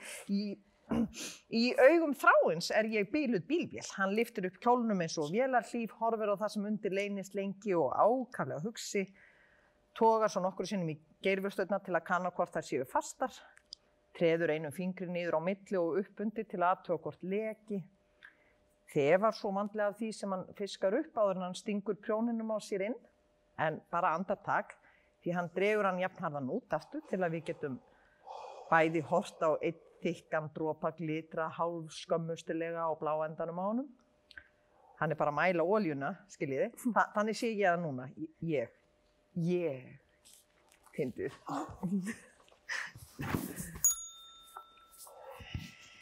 Uh, hver vill byrja? Þið veit að það er ekkert að óttast. Þið eru búin að mynda svo mikið innri kærleika og tröst innbyrðis að, að Ég vil byrja. Indriði, þú vilt byrja og þá byrjar þú. Þannig höfum við það í dag. Við höfum það þannig að Indriði byrjar. Ég ólst upp við mikinn kærleika og gott allæti. Og hverfið bauð upp á allt sem hugurinn gimtist og þegar ég lauk námi var haft á orði að, á mér sannaðist hvernig gott uppeldi skilaði sér í, í góðum manni. Ég var búinn að vera grunnskólakennar í 15 ár þegar ég var látin hætta. En það var ég þá alveg búinn að gefast upp á að þræta fyrir kendi mínar gagvart börnum á kynþróska aldri. Og vegna þess hvað ég var samvinnu þýður var ákveðið að gera bara sem minnst úr þessu máli og allir töldu mig hafa komist yfir þennan veikleika um svipað leiti og, og kæru voru látna niður falla. En veikleikin hann hefur hins vegar styrst og nú er svo komið að ég stunda einhvers konar kynlíf með hálstálpuðum unglingum að minnst að kosti einu sinni í viku. Já, oftar ef ég fæði við komið. Bestir eru drenginir. Þeir, þeir kjafta síður og krefjast læri greiðslu. En það sem veldur mér hins vegar áhyggjum núna er svo staðreind að þessir förstu vini mínir sem ég hef verið í sambandi við undanfarnar mánuði hafa játa fyrir mér að ég sé ekki lengur einn á ferð. Að bærin sé bara fullur af mönnum sem bjóði betur en ég. Samt, samt reyni ég nú að fylgjast með tímanum sko. Hætti til dæmis að, að borga með Pokémon spjöldum lunga áður en það komst út í sko. En sko það sem nagar mig helst er spurningin um það hvernig börnunum mínum reyðir af í höndum þessara manna sem hafa kannski engan, engan skilning á þörfum þeirra? Sína þeim eftir við lenga virðingu. Sjálfur ger ég ekkert nema barnið samþykja það áður og, og, snúist í hugur í miðum klíðum þá, þá, þá er ég alltaf tilbúin að hlusta. Sko spurningin er bara gera menn sem stundar kynlíf af þessu tægi sér almennt grein fyrir þeirri ábyrð sem því fylgir. Nota er góð krem. Muna er alltaf eftir að þrýfa barni á eftir. Og síðast en ekki síst, getur barnið treyst því að fá sína prósendur af því myndefni sem þeim tægt að selja á netinu. Ég meina það á sín rétt skiljiði. Alveg svo barn sem leikur í auðlýsingu fyrir banka eða tryggingafélag. Það fær vel borgað sem slík. Já, ég hef búin að segja ykkur þetta frá fótalausa dvergnum sem að ungi maðurinn umgaði sig yfir og, og gaf að borða meðan aðrir skemmtu sér við að kvelja hann og, og svo reynist hann vera erfingi skoskra auðæfa, dvergurinn altså. Þannig að eh, stutt fólk getur þjena stóran peninga. Það er engi spurning. Já, það er svo margar áhugaverðar sögur í bókunum eins og sum ykkar viti nú þegar og, og, og lærtumsríkar. Svo ég rifi nú upp eina sem ég var að snara einnig gerðkvöldi, bara sem dæmi svona gott, um gott efni sem hann vinnur skemmtilega úr. Því þetta er náttúrulega auðvitað meir og minna byggt á staðrindum eins og allt sem við gerum. Þá eru nú hjón sem að ákveð, ákvaðu að fara í stutta skemmtiferð eina helgi og skilja börnin sín tvö eftir heima í, í umsjá aðkeftrar uh, barnfóstru sem er, er uh, bara heitt mesta mál og ekkert allir í sjálfu sér í, í þessari sögu.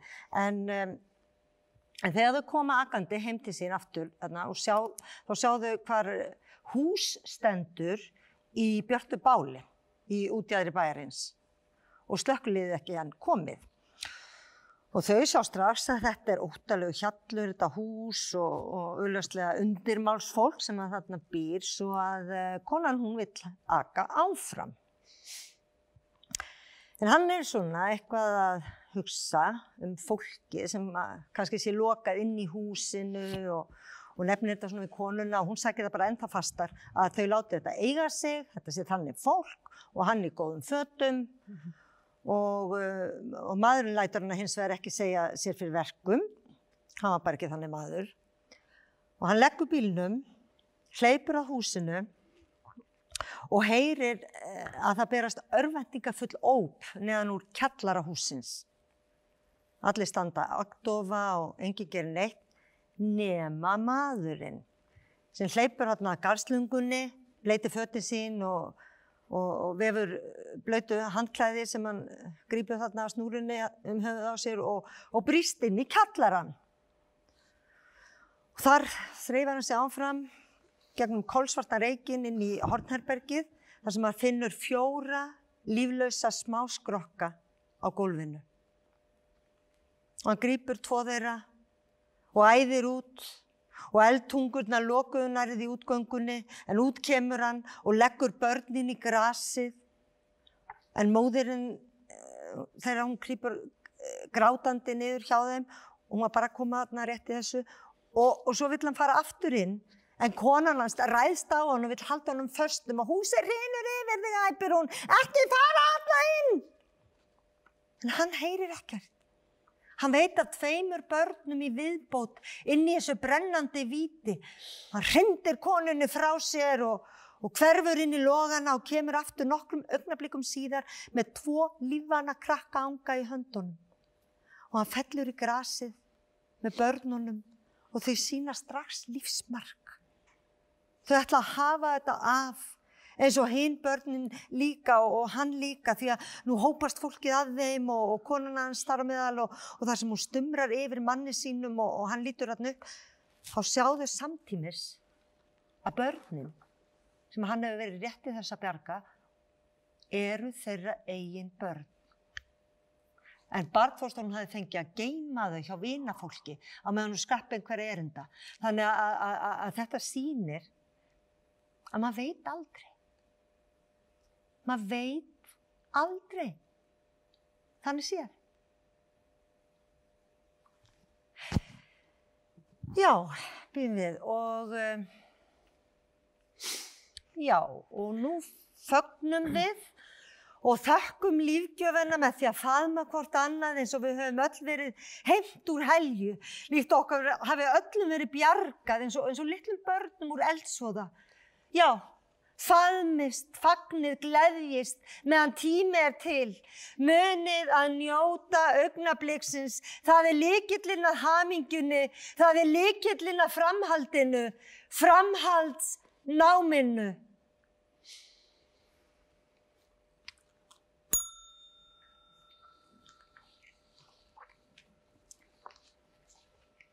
Langar í eitthvað, fljótlega kannski.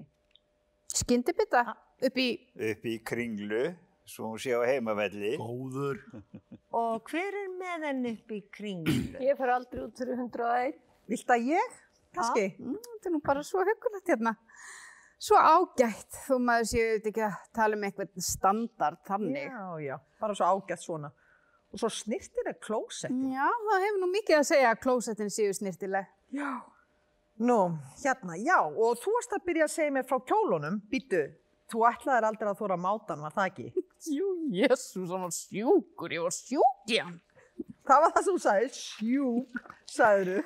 Já, ég vissi að ef ég kemist ekki í hann, þá myndi ég deyja á staðnum. Og þá væri ég líka tilbúin að deyja. Þá væri það, já, þannig stuð á mér, sko.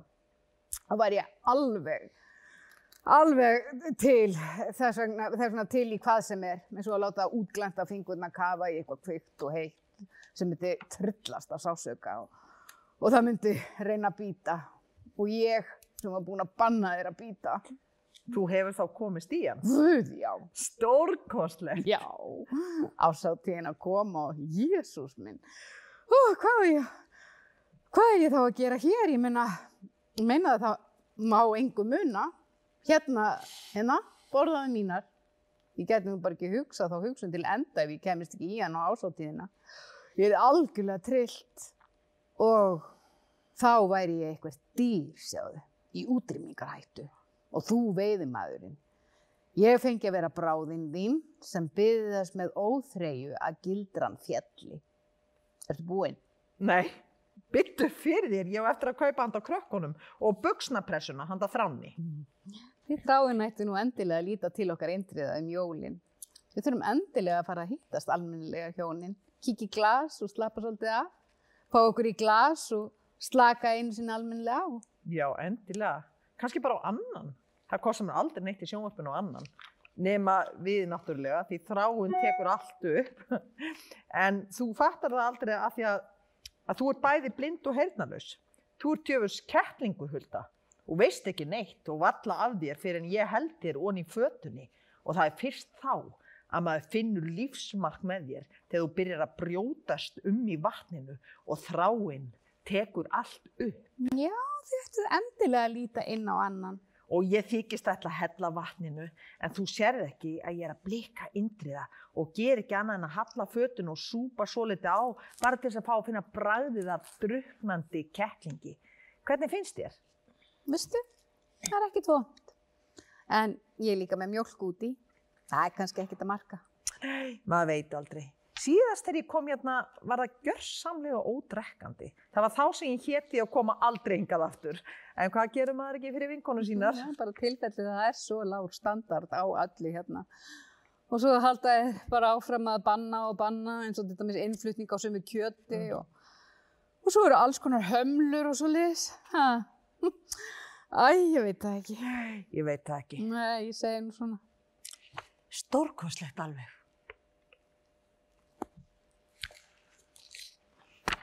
Og þá gerum við núna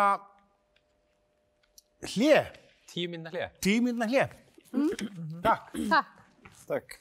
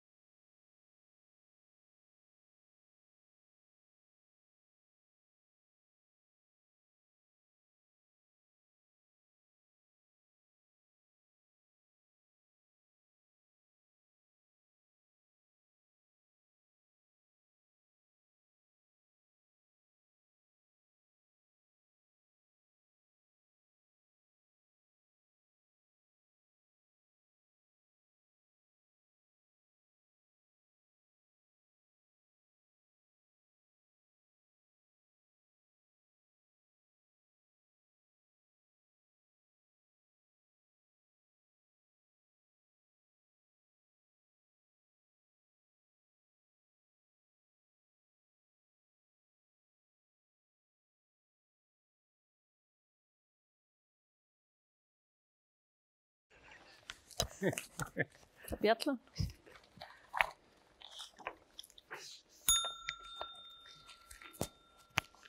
Mér finnst þetta svolítið sniðut námskeiða því að það minnir mig svo sumt af því sem ég er að skrifa. A- Að því ég er að skrifa um það sem er að gerast í raun og veru, þá minnir það mig í raun og veru á raunveruleikan. Samt, það góða við þetta allt saman er að á meðan ég er hérna, það, það gerist ekki neitt. Það er tölver tilbreyting í því. Ekkert gerist. Ég, sagði kvötu leyndamál. Samt var hann ekkert vinkona mín. Ángaði bara að segja henni það.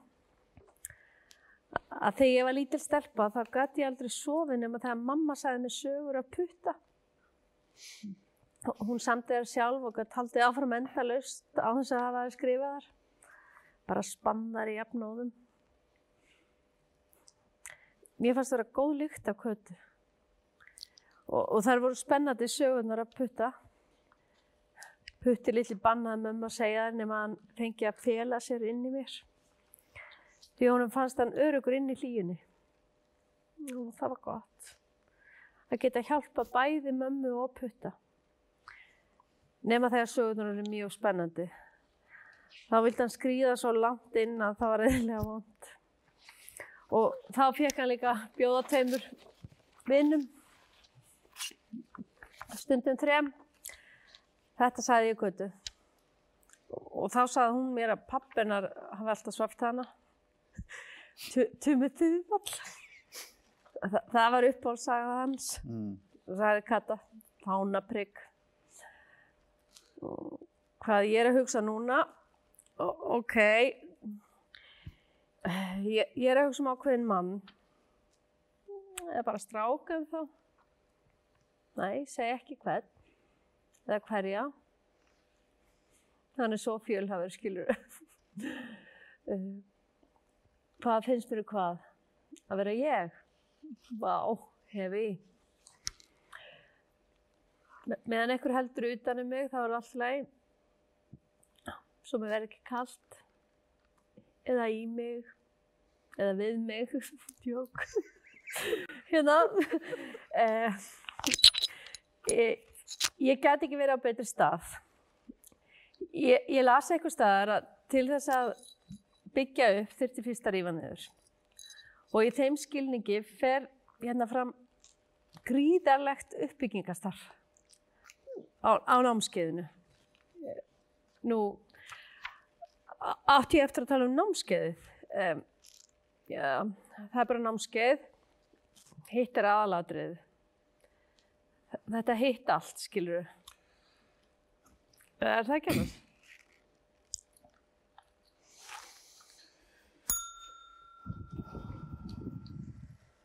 Hulda og Indriði þarna og Marta hérna, Stefania, uh, betur hún hneppir töl, þessari tölu. Úps, en hárið, er, er það í lagi? Þarna kemur hann. Þakk ykkur fyrir, kæra þakkir. Þetta var óneitanlega sætur sigur eftir tímabil þar sem að nokkuð blés á móti og margir voru búin að afskrifa okkur en, en við síndum í dag að það er karakter í liðinu. Við getum ennþá sínt klætnar á réttum stað á réttum tíma.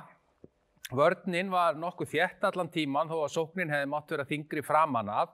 Kom það nú ekki að sök því að miðjan helt vel á móti og það eru mörkin sem telja og við erum mjög sáttir við úslitin. Það stendur sér strákurinn. Það vissi alltaf að myndi rætast úr húnum. Elskaður af öllum, bókstaflega. Ég, þa- ég þakka það tröst sem að mér hefur verið sínt með því að kjósa mig til formensku í þessu unga félagi.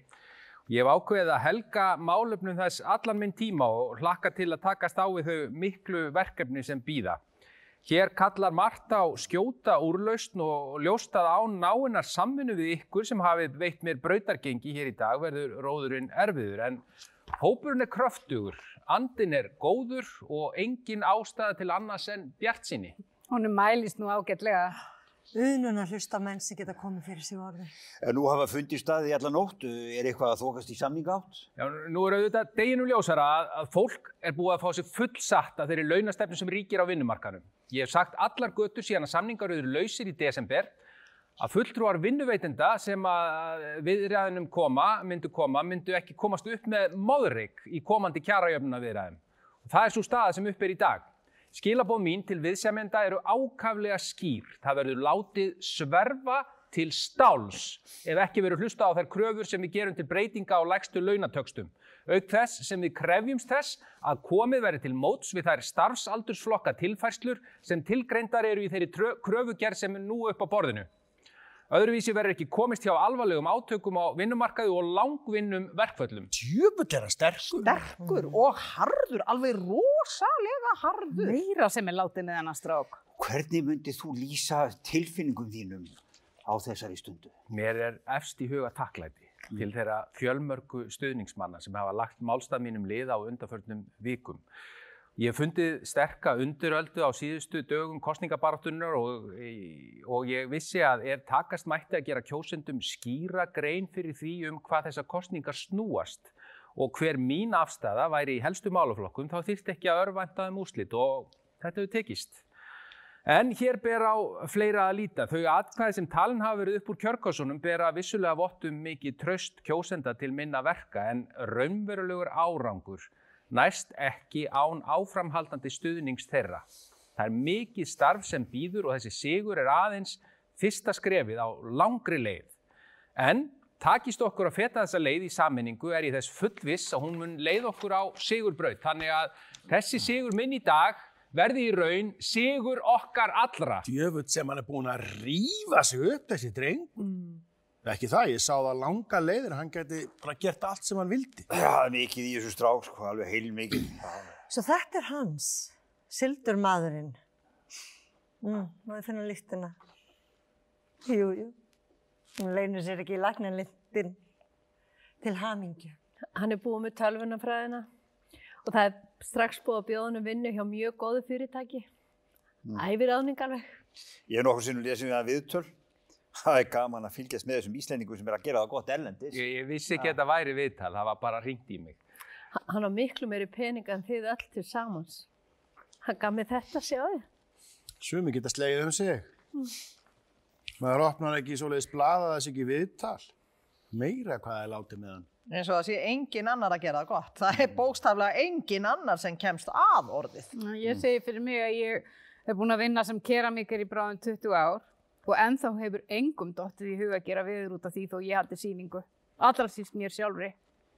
Og þó hef ég oftar en einu sinni sínt Erlendis, síðast í Andiri sendiráðsins í Berlín, Hákall, Brennivín og Helmut Kohl meðal opnunargersta. Hann lauk lofsorði á eitt verkana og bað mig að segja sér verðið, sem út af fyrir sig segir meir en mörg orð. Það er ekki holdt fyrir nokkurn mann að láta ofnóta sig svona. Má ég fara núna? Ég var að koma úr löngu flugi. Við þurftum að millilendi í London. Hann fekk frábæra dóma og pressan átti ekki orð til að lýsa hrifningu sinni. En þetta ekki á hverjum degi sem íslenskur vísindamaður gerir jafn mikilvæga aukvöldun. Eins og maður hafi ekki farið ellendi sjálfur. Hulda, Indriði. Ef þið vildu gjöra svo vel að opna þessa tösku. En við vorum bara, Hvað er þetta? Þetta hvað? Við verðum að byggja ykkur að komum okkur hingað inn. Af hverju? Hö- Höfum við gert eitthvað af okkur? Er, er þetta ekki eitthvað miskilingur? Látum okkur sjá. Set upp þessa gummihanska. Öndum með nefinu. Sýnum fylstu kurteisi. Um, umgöngust yfirvöldin af virðingu. Þá þarf enginn að lenda í vandræðum. Þegar þú vildir neppa hérna, látum okkur sjá. Og hérna. Og hérna. Hérna. Má ég finna hérna. Æ, shit, ekki svona fast. Og þarna. Mm, þarna eru þau nú ekki sjaldan falin eiturlifin hjá ykkur, þessu unga fólki í dag. Og þá ekki síður hérna. Beigðu þið vinkona? Beigja sig, takk. Nei, ekkert hér. Þetta er ekkert gott lengur. Og þá er það hitt gatið. Mm, opna aðeins betur. Ekkert hér heldur. Gott, það er gott. Óskaplegu vágestur á hverju heimili eiturlifin. Oh, þarf að uppræta það ógeð allt saman. Mátt fara. Indriði, Hún má fara. Þetta er gott. Þið þurfið ekki að kannski all... Já, og þá ert það þú, ungi maður. Hvað heitir þú? Hans. Nú, svo það er bara hans sjálfur. Æja, þú heldur kannski að þú getur gengið hér um eins og þú er eigið þetta allt saman. Að við hinn séum svo venjulega að við gleymum öllum öryggisreglum þegar þú byrtist. Nei, ég veit ekki, ég, ég bara reyna að gera mitt besta. Já, hann er svo besti, segir hann. Í hverju skildi það nú vera? Begðu þig. Þú veist að kíkja aðeins á þig. Vita hvort kviknar á perunni. Nei, ekki. Ekki núna. Stórkostlegt. Fínt. Hætta hér. Það er bara um að gera að hafa gaman að þessu. Já.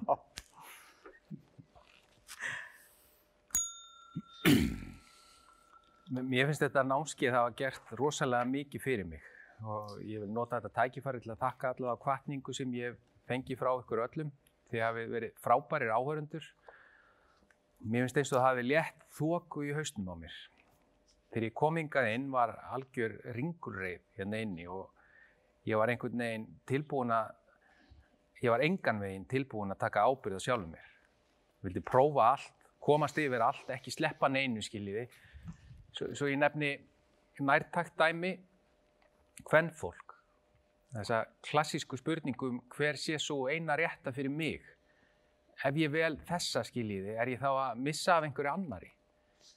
Ég reiknaði það einu sinni út að það varu, hvaða varu margar konur á skikkalegum aldri í heiminum. Það eru tveir miljardar og fer fjölgandi. Af þeim hljóta að minnstakosti 2,5% vera, að vera vel yfir meðalagi, þið vitið, fallegar, klárar og það allt. Þannig að maður geti hugsað sér að elska þær. Það gera 50 miljónir. Og með að við reynslu mína af hvem fólki er ekkit óæðilegt að álíkta að 10% af þessum 50 miljónum væri þess vegna allir til ég að elska mig.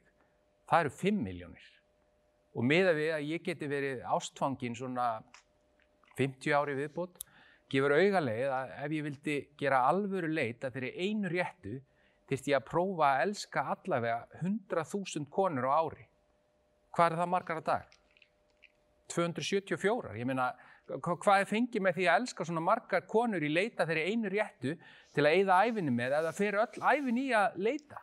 274. Góði Guð, heldu ljósin í myrkri sem ég fættist með í sálinni minni og gerðu mjúka sorgina yfir syndum mínum.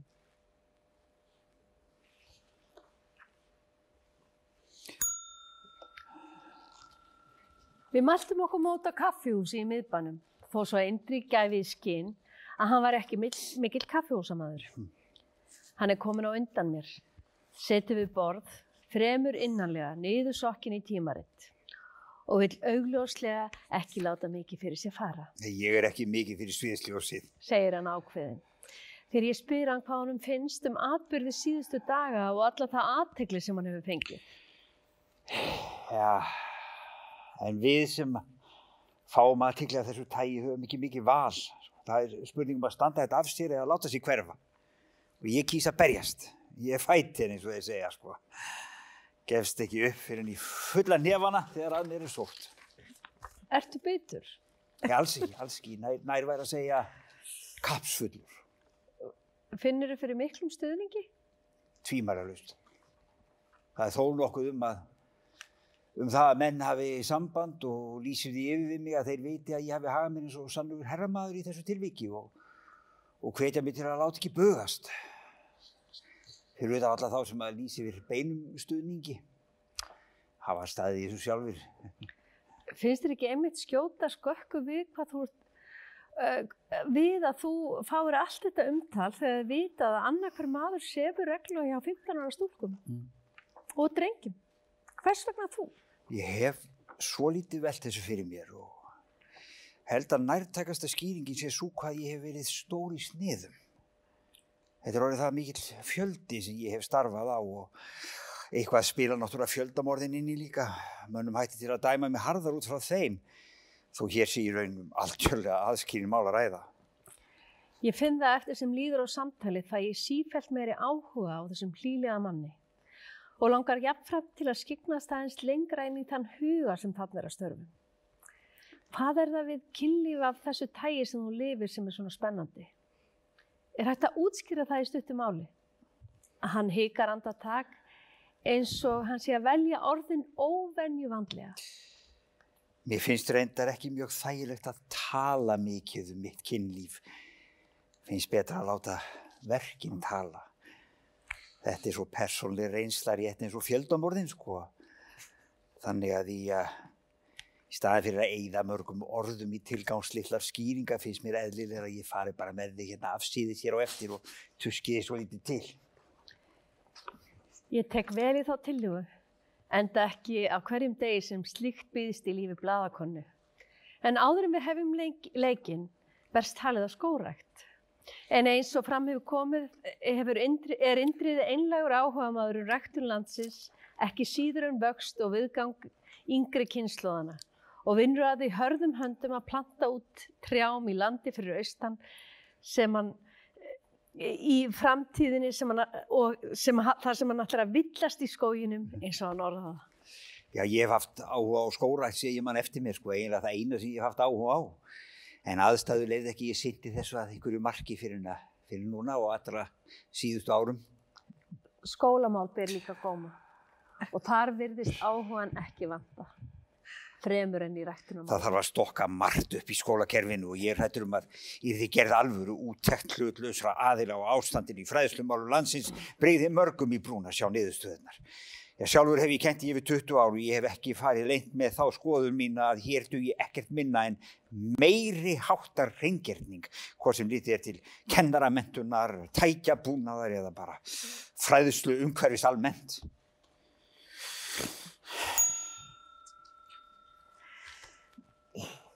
Talandi um þekta útlendinga, Gandhi, sá mikli maður, indverskur og indislegur, það myndaði hann maður aftan á baklingnum.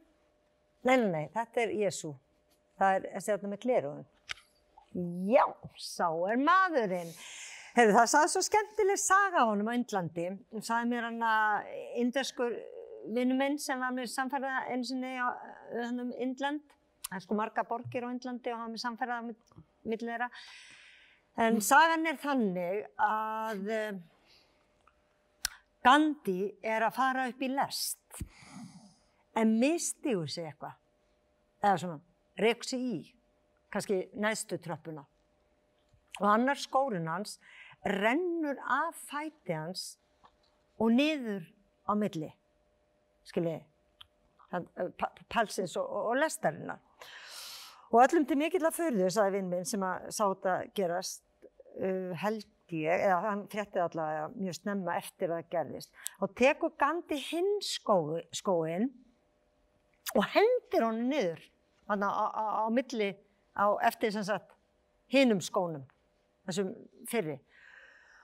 Og brosti svo bara þegar hann spurði hvers vegna og, og, og sagði eitthvað, einhvern veginn svona, fyrir skórin nýtist engum. En núna eignast fallaklingur sem finnur skóna að minnstakosti eitt par sem hann getur notað.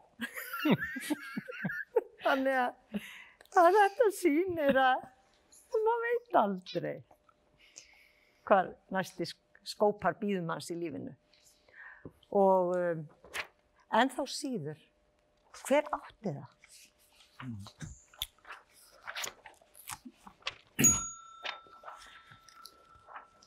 Þetta gengur mjög vel. Umburðarlindi, viðsýni, kærleikur. Það er svona það fyrsta sem kemur upp í huga. Maður er búinn að læra alveg heilmart um lífið. Sjálfan sig, hamingjuna, reynsa til.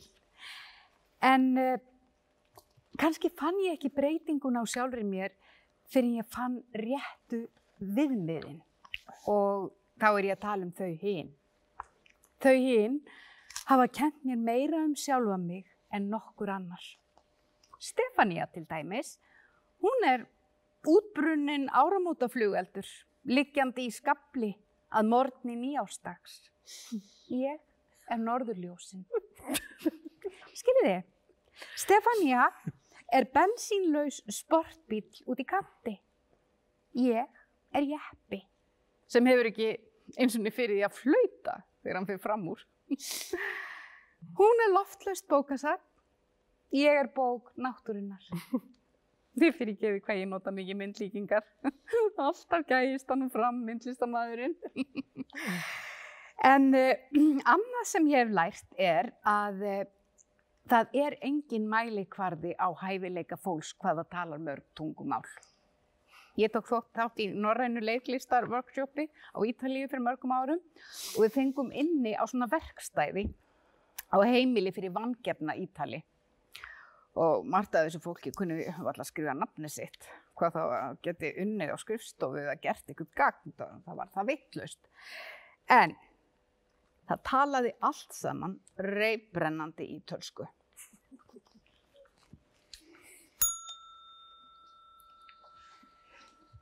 Indrið, þú ætlaður að segja okkur eitthvað. Já, mér líður ekki vel, ekki, hreint ekki vel. Íslendingum líður upp til hópa mjög vel. Mm, ég held að gula fólkinu líði glettilega vel líka. Það er alltaf brosandi. Það er tekið eftir því. Svona, alltaf svona. ekkert veginn.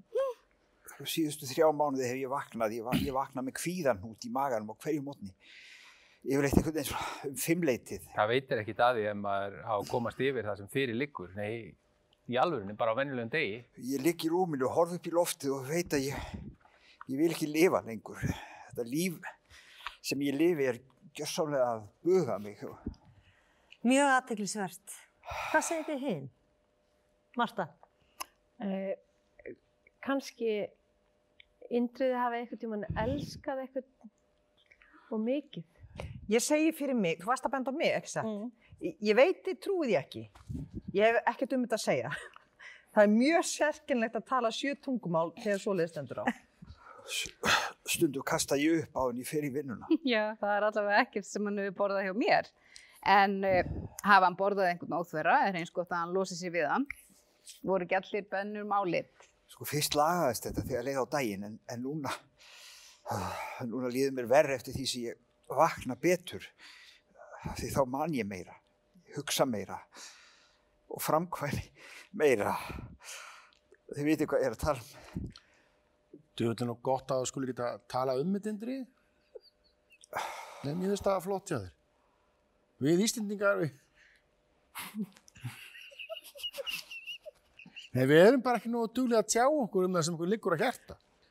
Bara tekið eftir því hitt annað fólk, er miklu meira að tala um alls konar, svona, hvernig þín líður til þess. Ég reyndi að klára þetta í síðustu viku. Segir það satt? Virkilega, þú meina klára alveg? Magnað alveg. Geta rætt þetta bara svona opinskap. Stórkostlegt. Ég reyndi að svifta mig lífi, já. Vá, ég hef aldrei þekkt einhvern sem hefur gert svoleiðis. Þetta er eitthvað sem að maður verður að prófa. Hver, hvernig gera menn svona í dag? Ha, ég, ég get náttúrulega ekki svara fyrir aðra en, en sjálfa mig, sko. Þetta, þetta er náttúrulega frekar einstaklingsbundi, held ég. En ég setti tójótun í gang út í bílskúr. Það er svo mikið að koma aftur þetta að deyja heima. Fólk Mm. fæðir heima og deyr heima en borðar úti þess á milli. Þegar ég sá einu sinni hérna helviti góða skrýtlu, það var svona grjótflutningamaður að bakkar stóra vörubílu sínum út að háa hann klett. Svo snarar hann reip um hálsinn á sér, nýtið það með risa stein á pallinum og sturtar. Sko. Sjá ekki hvað þetta er magna, sko. grjótflutningsmaðurinn nota grjótið. Og ég fór að hugsa hvernig ólíkar starfstéttir færu að undir þessum kringumstæðum. Rafvirkjar, skilji, svæfingalegnar, ha, ljónatemjarar, heilaskurlegnar, fattiði? Það er svo sniðu, sko, að þegar mann leiti ekki langt við skamt. Ég var alveg, að- alveg að detta út þegar einhver, einhver reif allt í hennu bílskúrshörðina og dró mig út úr bílnum. Og ég hef ekki fengið hurðina til að virka síðan. Já, það skiptir auðvitað minnstu. Aðalatrið er að maður sé hamingisamur, ekki satt? Þetta var slökkvilíðismadur. Á leið heima vakt, sá reikinn út undan sér. Rosaleg þjálfun sem þið eru í þessi drengir, hef ég heyrt. Guð mig góðu þráin, hvað ég að gera? Því vil allir ég veit það. Allt undan um mig. Ertu fullur? Nei, Á ég, á ég að halda utan um hann ástæða? Já, já. Ok. Þú ætti kannski að læsa næst, skilur Bílskúrhörðinni. Já, Já. Það er aldrei ofalega farið. Sérstaklega að þú með bíl sem að reiki svona rosalega. Það þarf að huga öllum smáatröðum þegar farið er út í svona. Já, það er nú málið. Já, hún er nú alltaf að fara í gang, Toyotan. Já, ég veit Diddi kíkti á hana með mér. Það var fljótur að sjá hvað var að. Og? Það var bara eitthvað rugl á startarann. Já, var ekki með gráhærða. En núna er eins og hann hafi aldrei bilað, skiljiði. Maður er svo fljótur að gleyma því að eitthvað hafi verið að þegar búið er að gera við það. Það er sem ég segi, er bílinn í lagi þá er kettlingin í lagi. Varstu búin að horfa á spóluna? Já, Og? hún er bara fín. Betri allavega en hinn. Já, betur leik. Já, miklu betur leikinn. Það var aldrei auðvitað alveg að marka þessa myndi sem að tala þér inn á. Ótrúlega með það þessi þjóðverjar. Það var satt ábyrjandi meiri hérna lagt, sko, meiri peningu sjálfsagt. Segðu. Gamla sagan. Já, gamla sagan.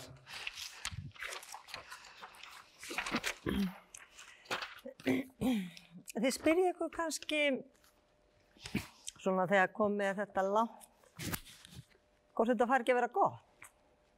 Svona með við hvað höf, hafið öll náð miklum árangri á, á stuttum tíma.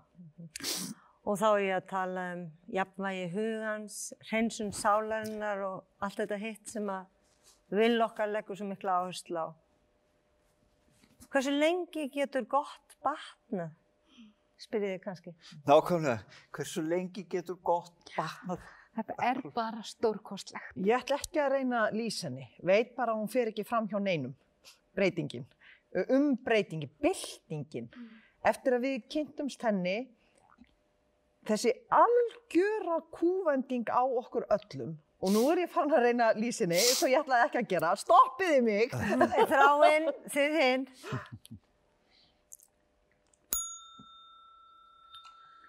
Eftir að ég hætti, þá hefur líf mitt ekki algjörum stakkaskiptum.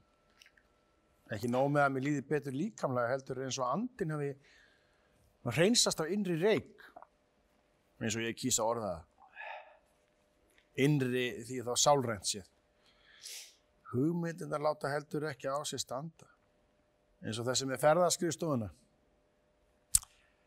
Ég sagt að hugsa mér að stofna ferðaskrifstofu fyrir útlendinga kynna Ísland fyrir útlendingum. Það er það mikill áhugi á okkur sem fólki og, og landinu sem landi. Það við höfum margt að bjóða sem að Ísl, útlendingar finna hvergi annar staðar. Hér býr reynd fólk í reynu landi, segi ég gætnan. Það finnast allstaðar kaupendur. Fólk sem vil borga fyrir það sem við höfum upp á að bjóða. Þetta er, þetta er bara spurningur rétt verð. Gaman að sjá ykkur loksins. Ja, gaman að sjá ykkur loksins. Býtu, hef ég hitt? Er nú alltaf að ég þekki mig. Því líkar breytingar á fjórum manneskjum. Eða fimm, sex. Gjörið þið svo vel. Hér er allt til alls. Stofa, eldús, snirting, bað, herbergi, herbergi, herbergi.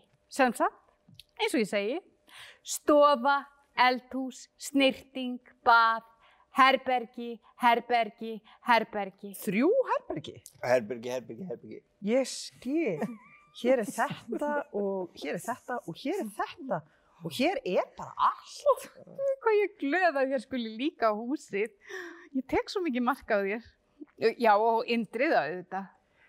Hver gerir það ekki? Nei, ég segi svona. Því auðvitað tökum við mark á öllum að, vissu marki. Svo mikið, svo mikið er ég búin að læra. Ég get ekki hugsað mér að skipta. Þetta er svo miðsvæðis. Og byttu þetta líka og þetta og svona. Ó, endilega látið þið fara betur um ykkur. Miklu betur. Þið eigið það svo sannarlega skilið. Alveg eins og þið. Þetta hús rosalega sem þið eigið að skilið. Kærleikurinn, hann er málið. Við hjónin, við höfum ferðast mikið í gegnum árin og eigum marga óvenjulega hluti.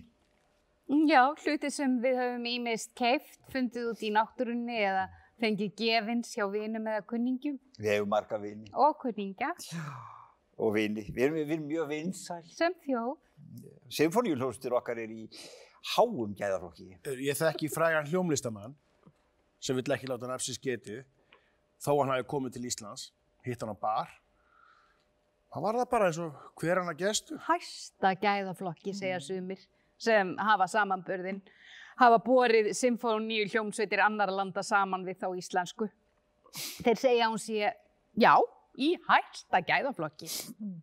Hún hlýtur þá að vera borið saman við hljómsveitir sem eru ekki í sama gæðaflokki. Elsku Hulda. Já, hún er náttúrulega borið saman við. Hvað meinaru? Ég meina, ef hún er í hæsta gæðaflokki, hlýtur hún að hafa verið borið saman við lagari hljómsveitir engungu, eins og í fegurasarkefnum. Þú veist, þú sem er í fallegasta flokki hlýtur að vera borið saman við stelpur sem eru ekki eins fallegar. Annars tætt hún ekki fallegust sjálf.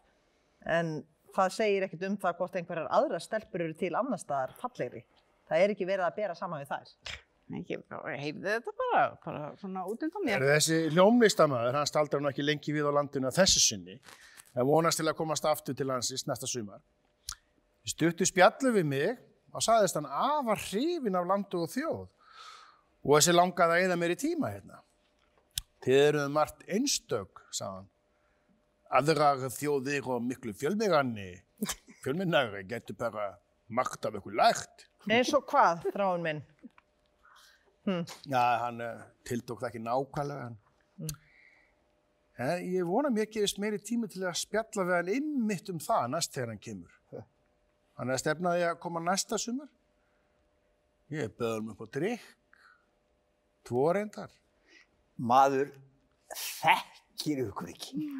Svei mér þá. Því lík breyting. Óskaplega kærleikur í loftinu. Eins og hann þrái minn orðaði það. Nákvæmlega. Það er svolítið skemmtilegt, fyrst við erum stödd hérna, að það er einmitt þetta hús sem er fyrirmyndin að þessari leirmynd hérna, sem er eftirmynd af þessu húsi sem við erum stödd í núna. Og gaman að ímynda sér að við værum stödd inn í eftirmyndinni um leið og við erum stödd hér. Já, en þá þyrftum við auðvitað að vera miklu minni og, já, og sjálfsagt þá úr leir líka. Hér var minnst á heimilisofbeldi. Sjálfur var ég mikill áflóa sekkur sem ungu drengur. Ætlaðu ekki að snerta þetta? Þið eigi líka svona. Sjáðu þráin. Þetta er eins og við áttum. Mm, þetta er ósigra. Þetta? Ég er voðalega mikið á móti sigri, þeim hvíta allavega. Þó hvít sé vissulega fallegra en svar. Skiljanlega. Fáið ykkur meira. Það er nóg til frammi. Þegar ég hann upp á drikk, sko. We have to try our special Icelandic vodka, sagði ég við hann. It's called brennivín. But we Icelanders call it among us Black Death. Það er gaman að skella þessu á þessa útlendinga. Það er gaman að sjá viðbröðin. Og hvað sagði hann? Við vorum einmitt trublaðir eiginlega einmitt þarna, sko. Það var eitthvað sem trublaði. En þú, ert þú að vinna á sjúkrahúsinu? Já. Mér var bóðin staða. Ég var beðin að sækja um stöðu. Mjög, mjög eftirsóta stöðu. Mm. Eru sjúkrahús ekki hreitt viðbjóður? Blóðugir, skrokkar, skornir, brendir, brotnir, öll sjálfsmorðin, druknanirnar, líkin sem finnast í blokkaríbúðinni þreymir mánuðum og sen. Er þetta ekki algjör hreitt og klár viðbjóður, hvert sem litið er? Ég er á skrifstofu. Ég sé aldrei sjúklingana.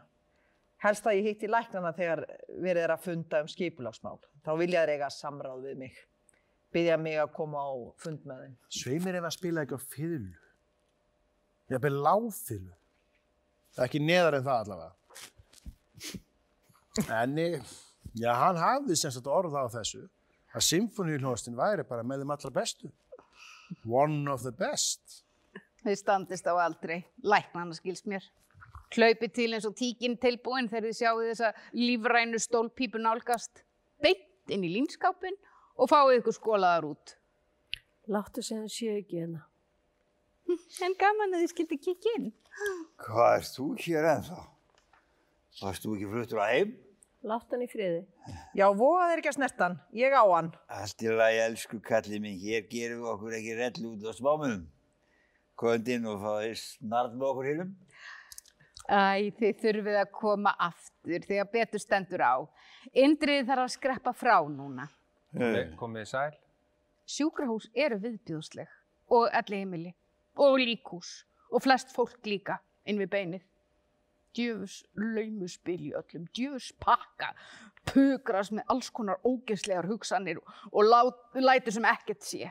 Sjáuð bara hver er kominn.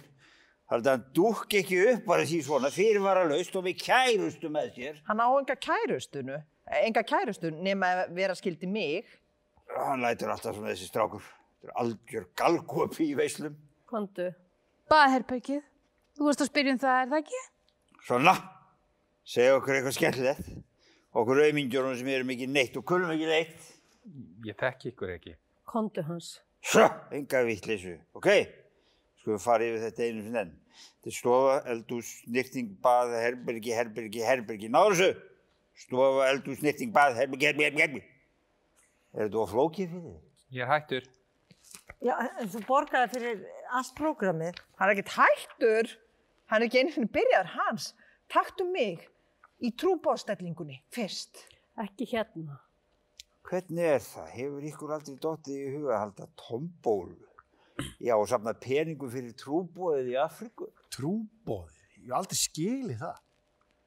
Akkur ekki að sapna ykkur handa svarta fólkin í Afríku? The black people. Svarta fólki í Afriku kann ekkert um pening að fara. Nefnum kannski einn og einn. Louis Armstrong til dæmis kannski. Það er nú ekkert að marka þessa þekktar í svertingja. Þeir fá allir fjármálaráðgjöf. Hvað segiru, Hans? Hér- Hérna, hérna eða þarna? Ég, ég er farin. Það, er, það var gaman að hitta ykkur góða nótt. Býtu. Marta, hvað er verið að skrifa núna? Eitthvað áþreifanlegt? Segðu mér, er ekki sérkennileg tilfinning að hafa vald til að láta eitthvað sem aldrei hefur gerst, gerast í alvörunni, bara með því að segja nú nákvæmlega frá því? Nei, ekki fara. Ég er að tala við þig. Ég hefur aldrei hugsað út í það hvernig okkur hinum líður sem lendum inn í þessum veruleika þínum. Hefur ekkert að hugsa út í það hvernig okkur reyðir af í alvörunni. Hvernig var það nokkuð til ég að skrifa mig inn í raunveruleika sem hefur svo lítið meira með sannleikala að gera. Og þá kannski svo lítið betri líðan í kjölfarið. Það myndur kannski gera það fyrir mig. Ja, gamla kennanan þinn. Hans, ég þarf að sína það svolítið. Well, it is nice to meet you too. So, if I should give you a short overview of the Icelandic art history, then I think we should begin with the wood carving of Bóluhjálmar, who just as Sölvi Helgason and later Gudmund from Middal was an example of a natural talent in art who made great effort to create some uh, good handcraft art in this very isolated country before any really established cultural platform was visible. Later we had Johannes Sveinsson Kjarval and Guðmundur Guðmundsson, who called himself Erro and lives in Paris, very famous, and Björk, of course. And if you look to your right now, you can see the statue Ásmundur Sveinsson made of Leifur Eiríksson, or Leif the Lucky, who we claim found America before Columbus. You probably heard about our Viking ship Íslendingur, who made a very successful journey to the northern part of North America and Canada in the year 2000 because of the so-called landafunda afmæli and was received, well received by the widow of Robert Kennedy, Ethel Kennedy and others, to name a few. And the salmon rivers are very popular by famous people like Charles Prince and Jack Nicklaus. And our girls are beautiful and pure. Hvar er hann? Hvað er Hulda? Það er að koma. Allt í lagi, engan leikarskap. Hvað ertu með hann? Hérna. Jésús minn, hann er, hann er bundinn. Hann vildi það. Fannst það raunverulega. Er það ekki hans? En ég, ég skil ekki, er þetta rétt? Svona með það sem við erum að gera á námskeiðinu? Fyrir ekki, er það eitthvað rátt?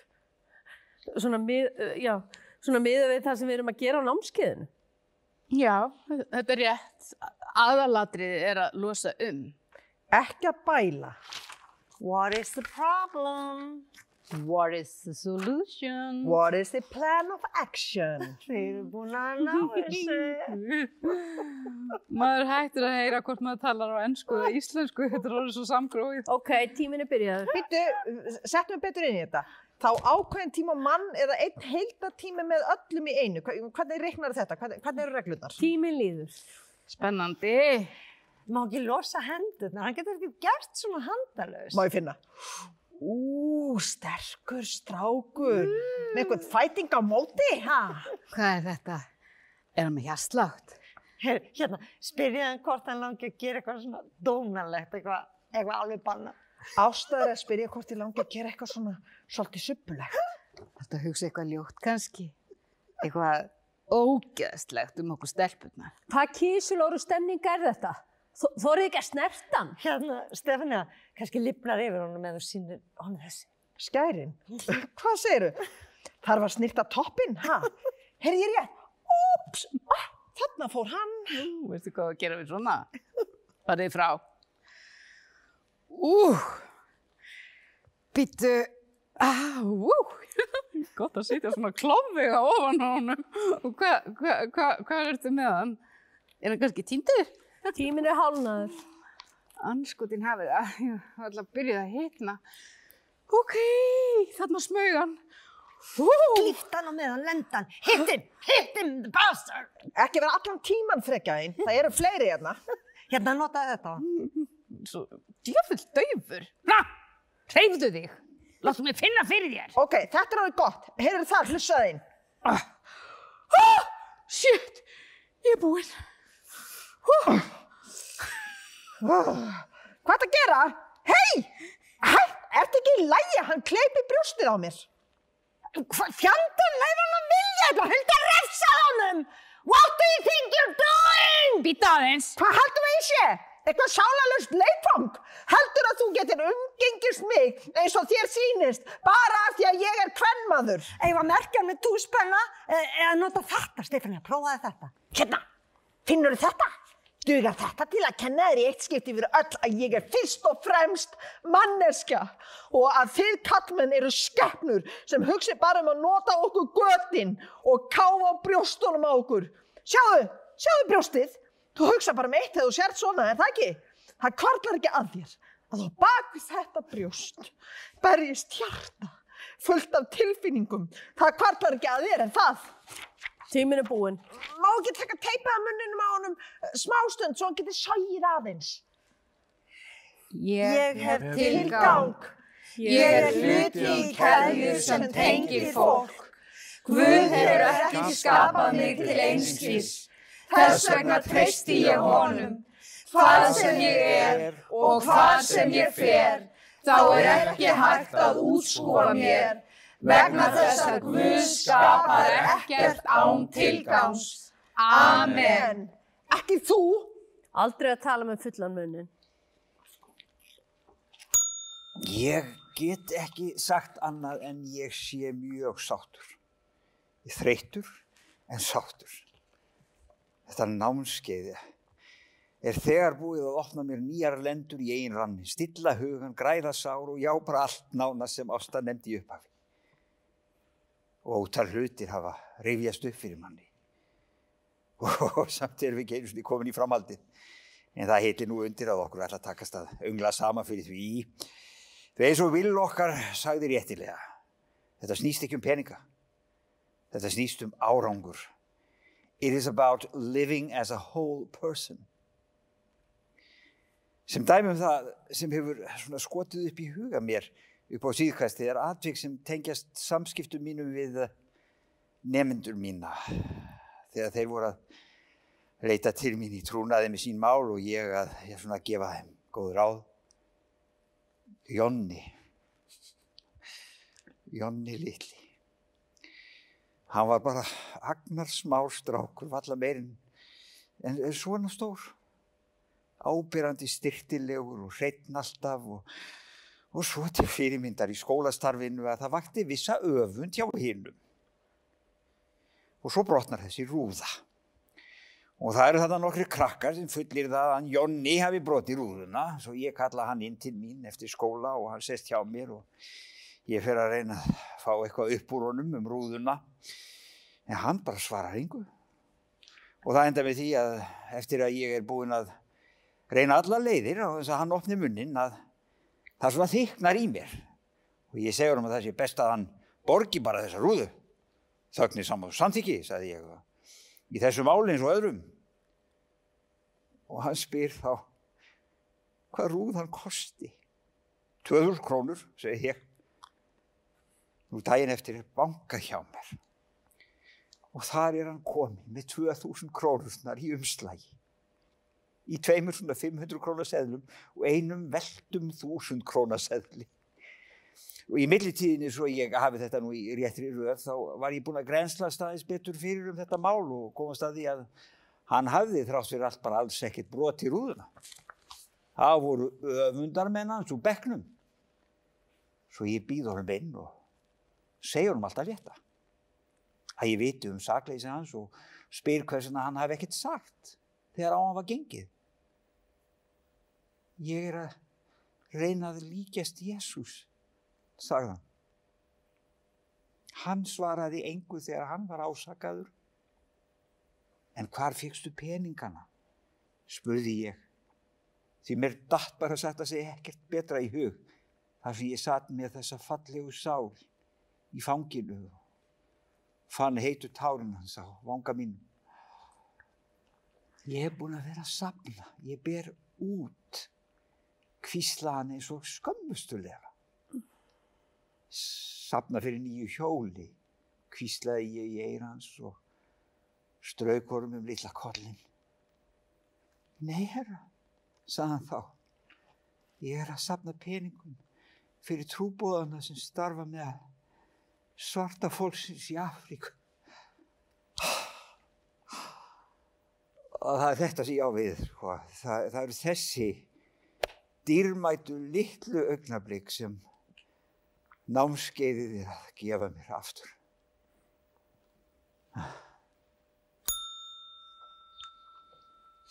Fyrir ekki haldið ég megi leggja mig svo litla stund. Komdu hingað. Þú ert alltaf í þínu, er það ekki? Maður er alltaf í sínu og þú í þínu, er það ekki? Ég er alltaf í mínu, svona eins mikið og það er hægt orðið. Minnst ekki á það. Það er ekkert orðið hægt orðið, þetta er orðið eitt stort rugg allt saman. Rugg, rugg, það er orðið yfir það. Það er einmitt orðið yfir ástandi eins og það er orðið. Þetta er orðið bara eitt stort rugg allt saman. Máli er að maður lætur sig hafa það. Það lætur sig hafa það. Vonar að það lægist. Maður vonar að lagist og lætur sig hafa bara þá til það lagast. Það er vist heila málið. Það er vist heila málið. Maður vonar að það lægist og lætur sig hafa það þanga til að lagast. Það lætur sig hafa það. Vonar að það lagist. Málið er að maður lætur sig hafa það. Rugg, það er orðið yfir það. Það er einmitt orðið yfir ástandið eins og það er orðið. Þetta er orðið eitt stórt rugg allt saman. Minnstu ekki á það. Það er ekkert orðið hægt orðið. Þetta er orðið eitt stort rugg og allt saman. Ég er alltaf í mínu. Svona eins mikið og það er hægt orðið. Maður er alltaf í sínu og þú í þínu, er það ekki? Og þú alltaf í þínu, er það ekki? Ég get ekki andað. Það er allt í lagi, þú ert bara þreyttur. Segðu mig sögu. Einu sinni ákvað Guð að finna hamingjusömustu veru jarðarinnar.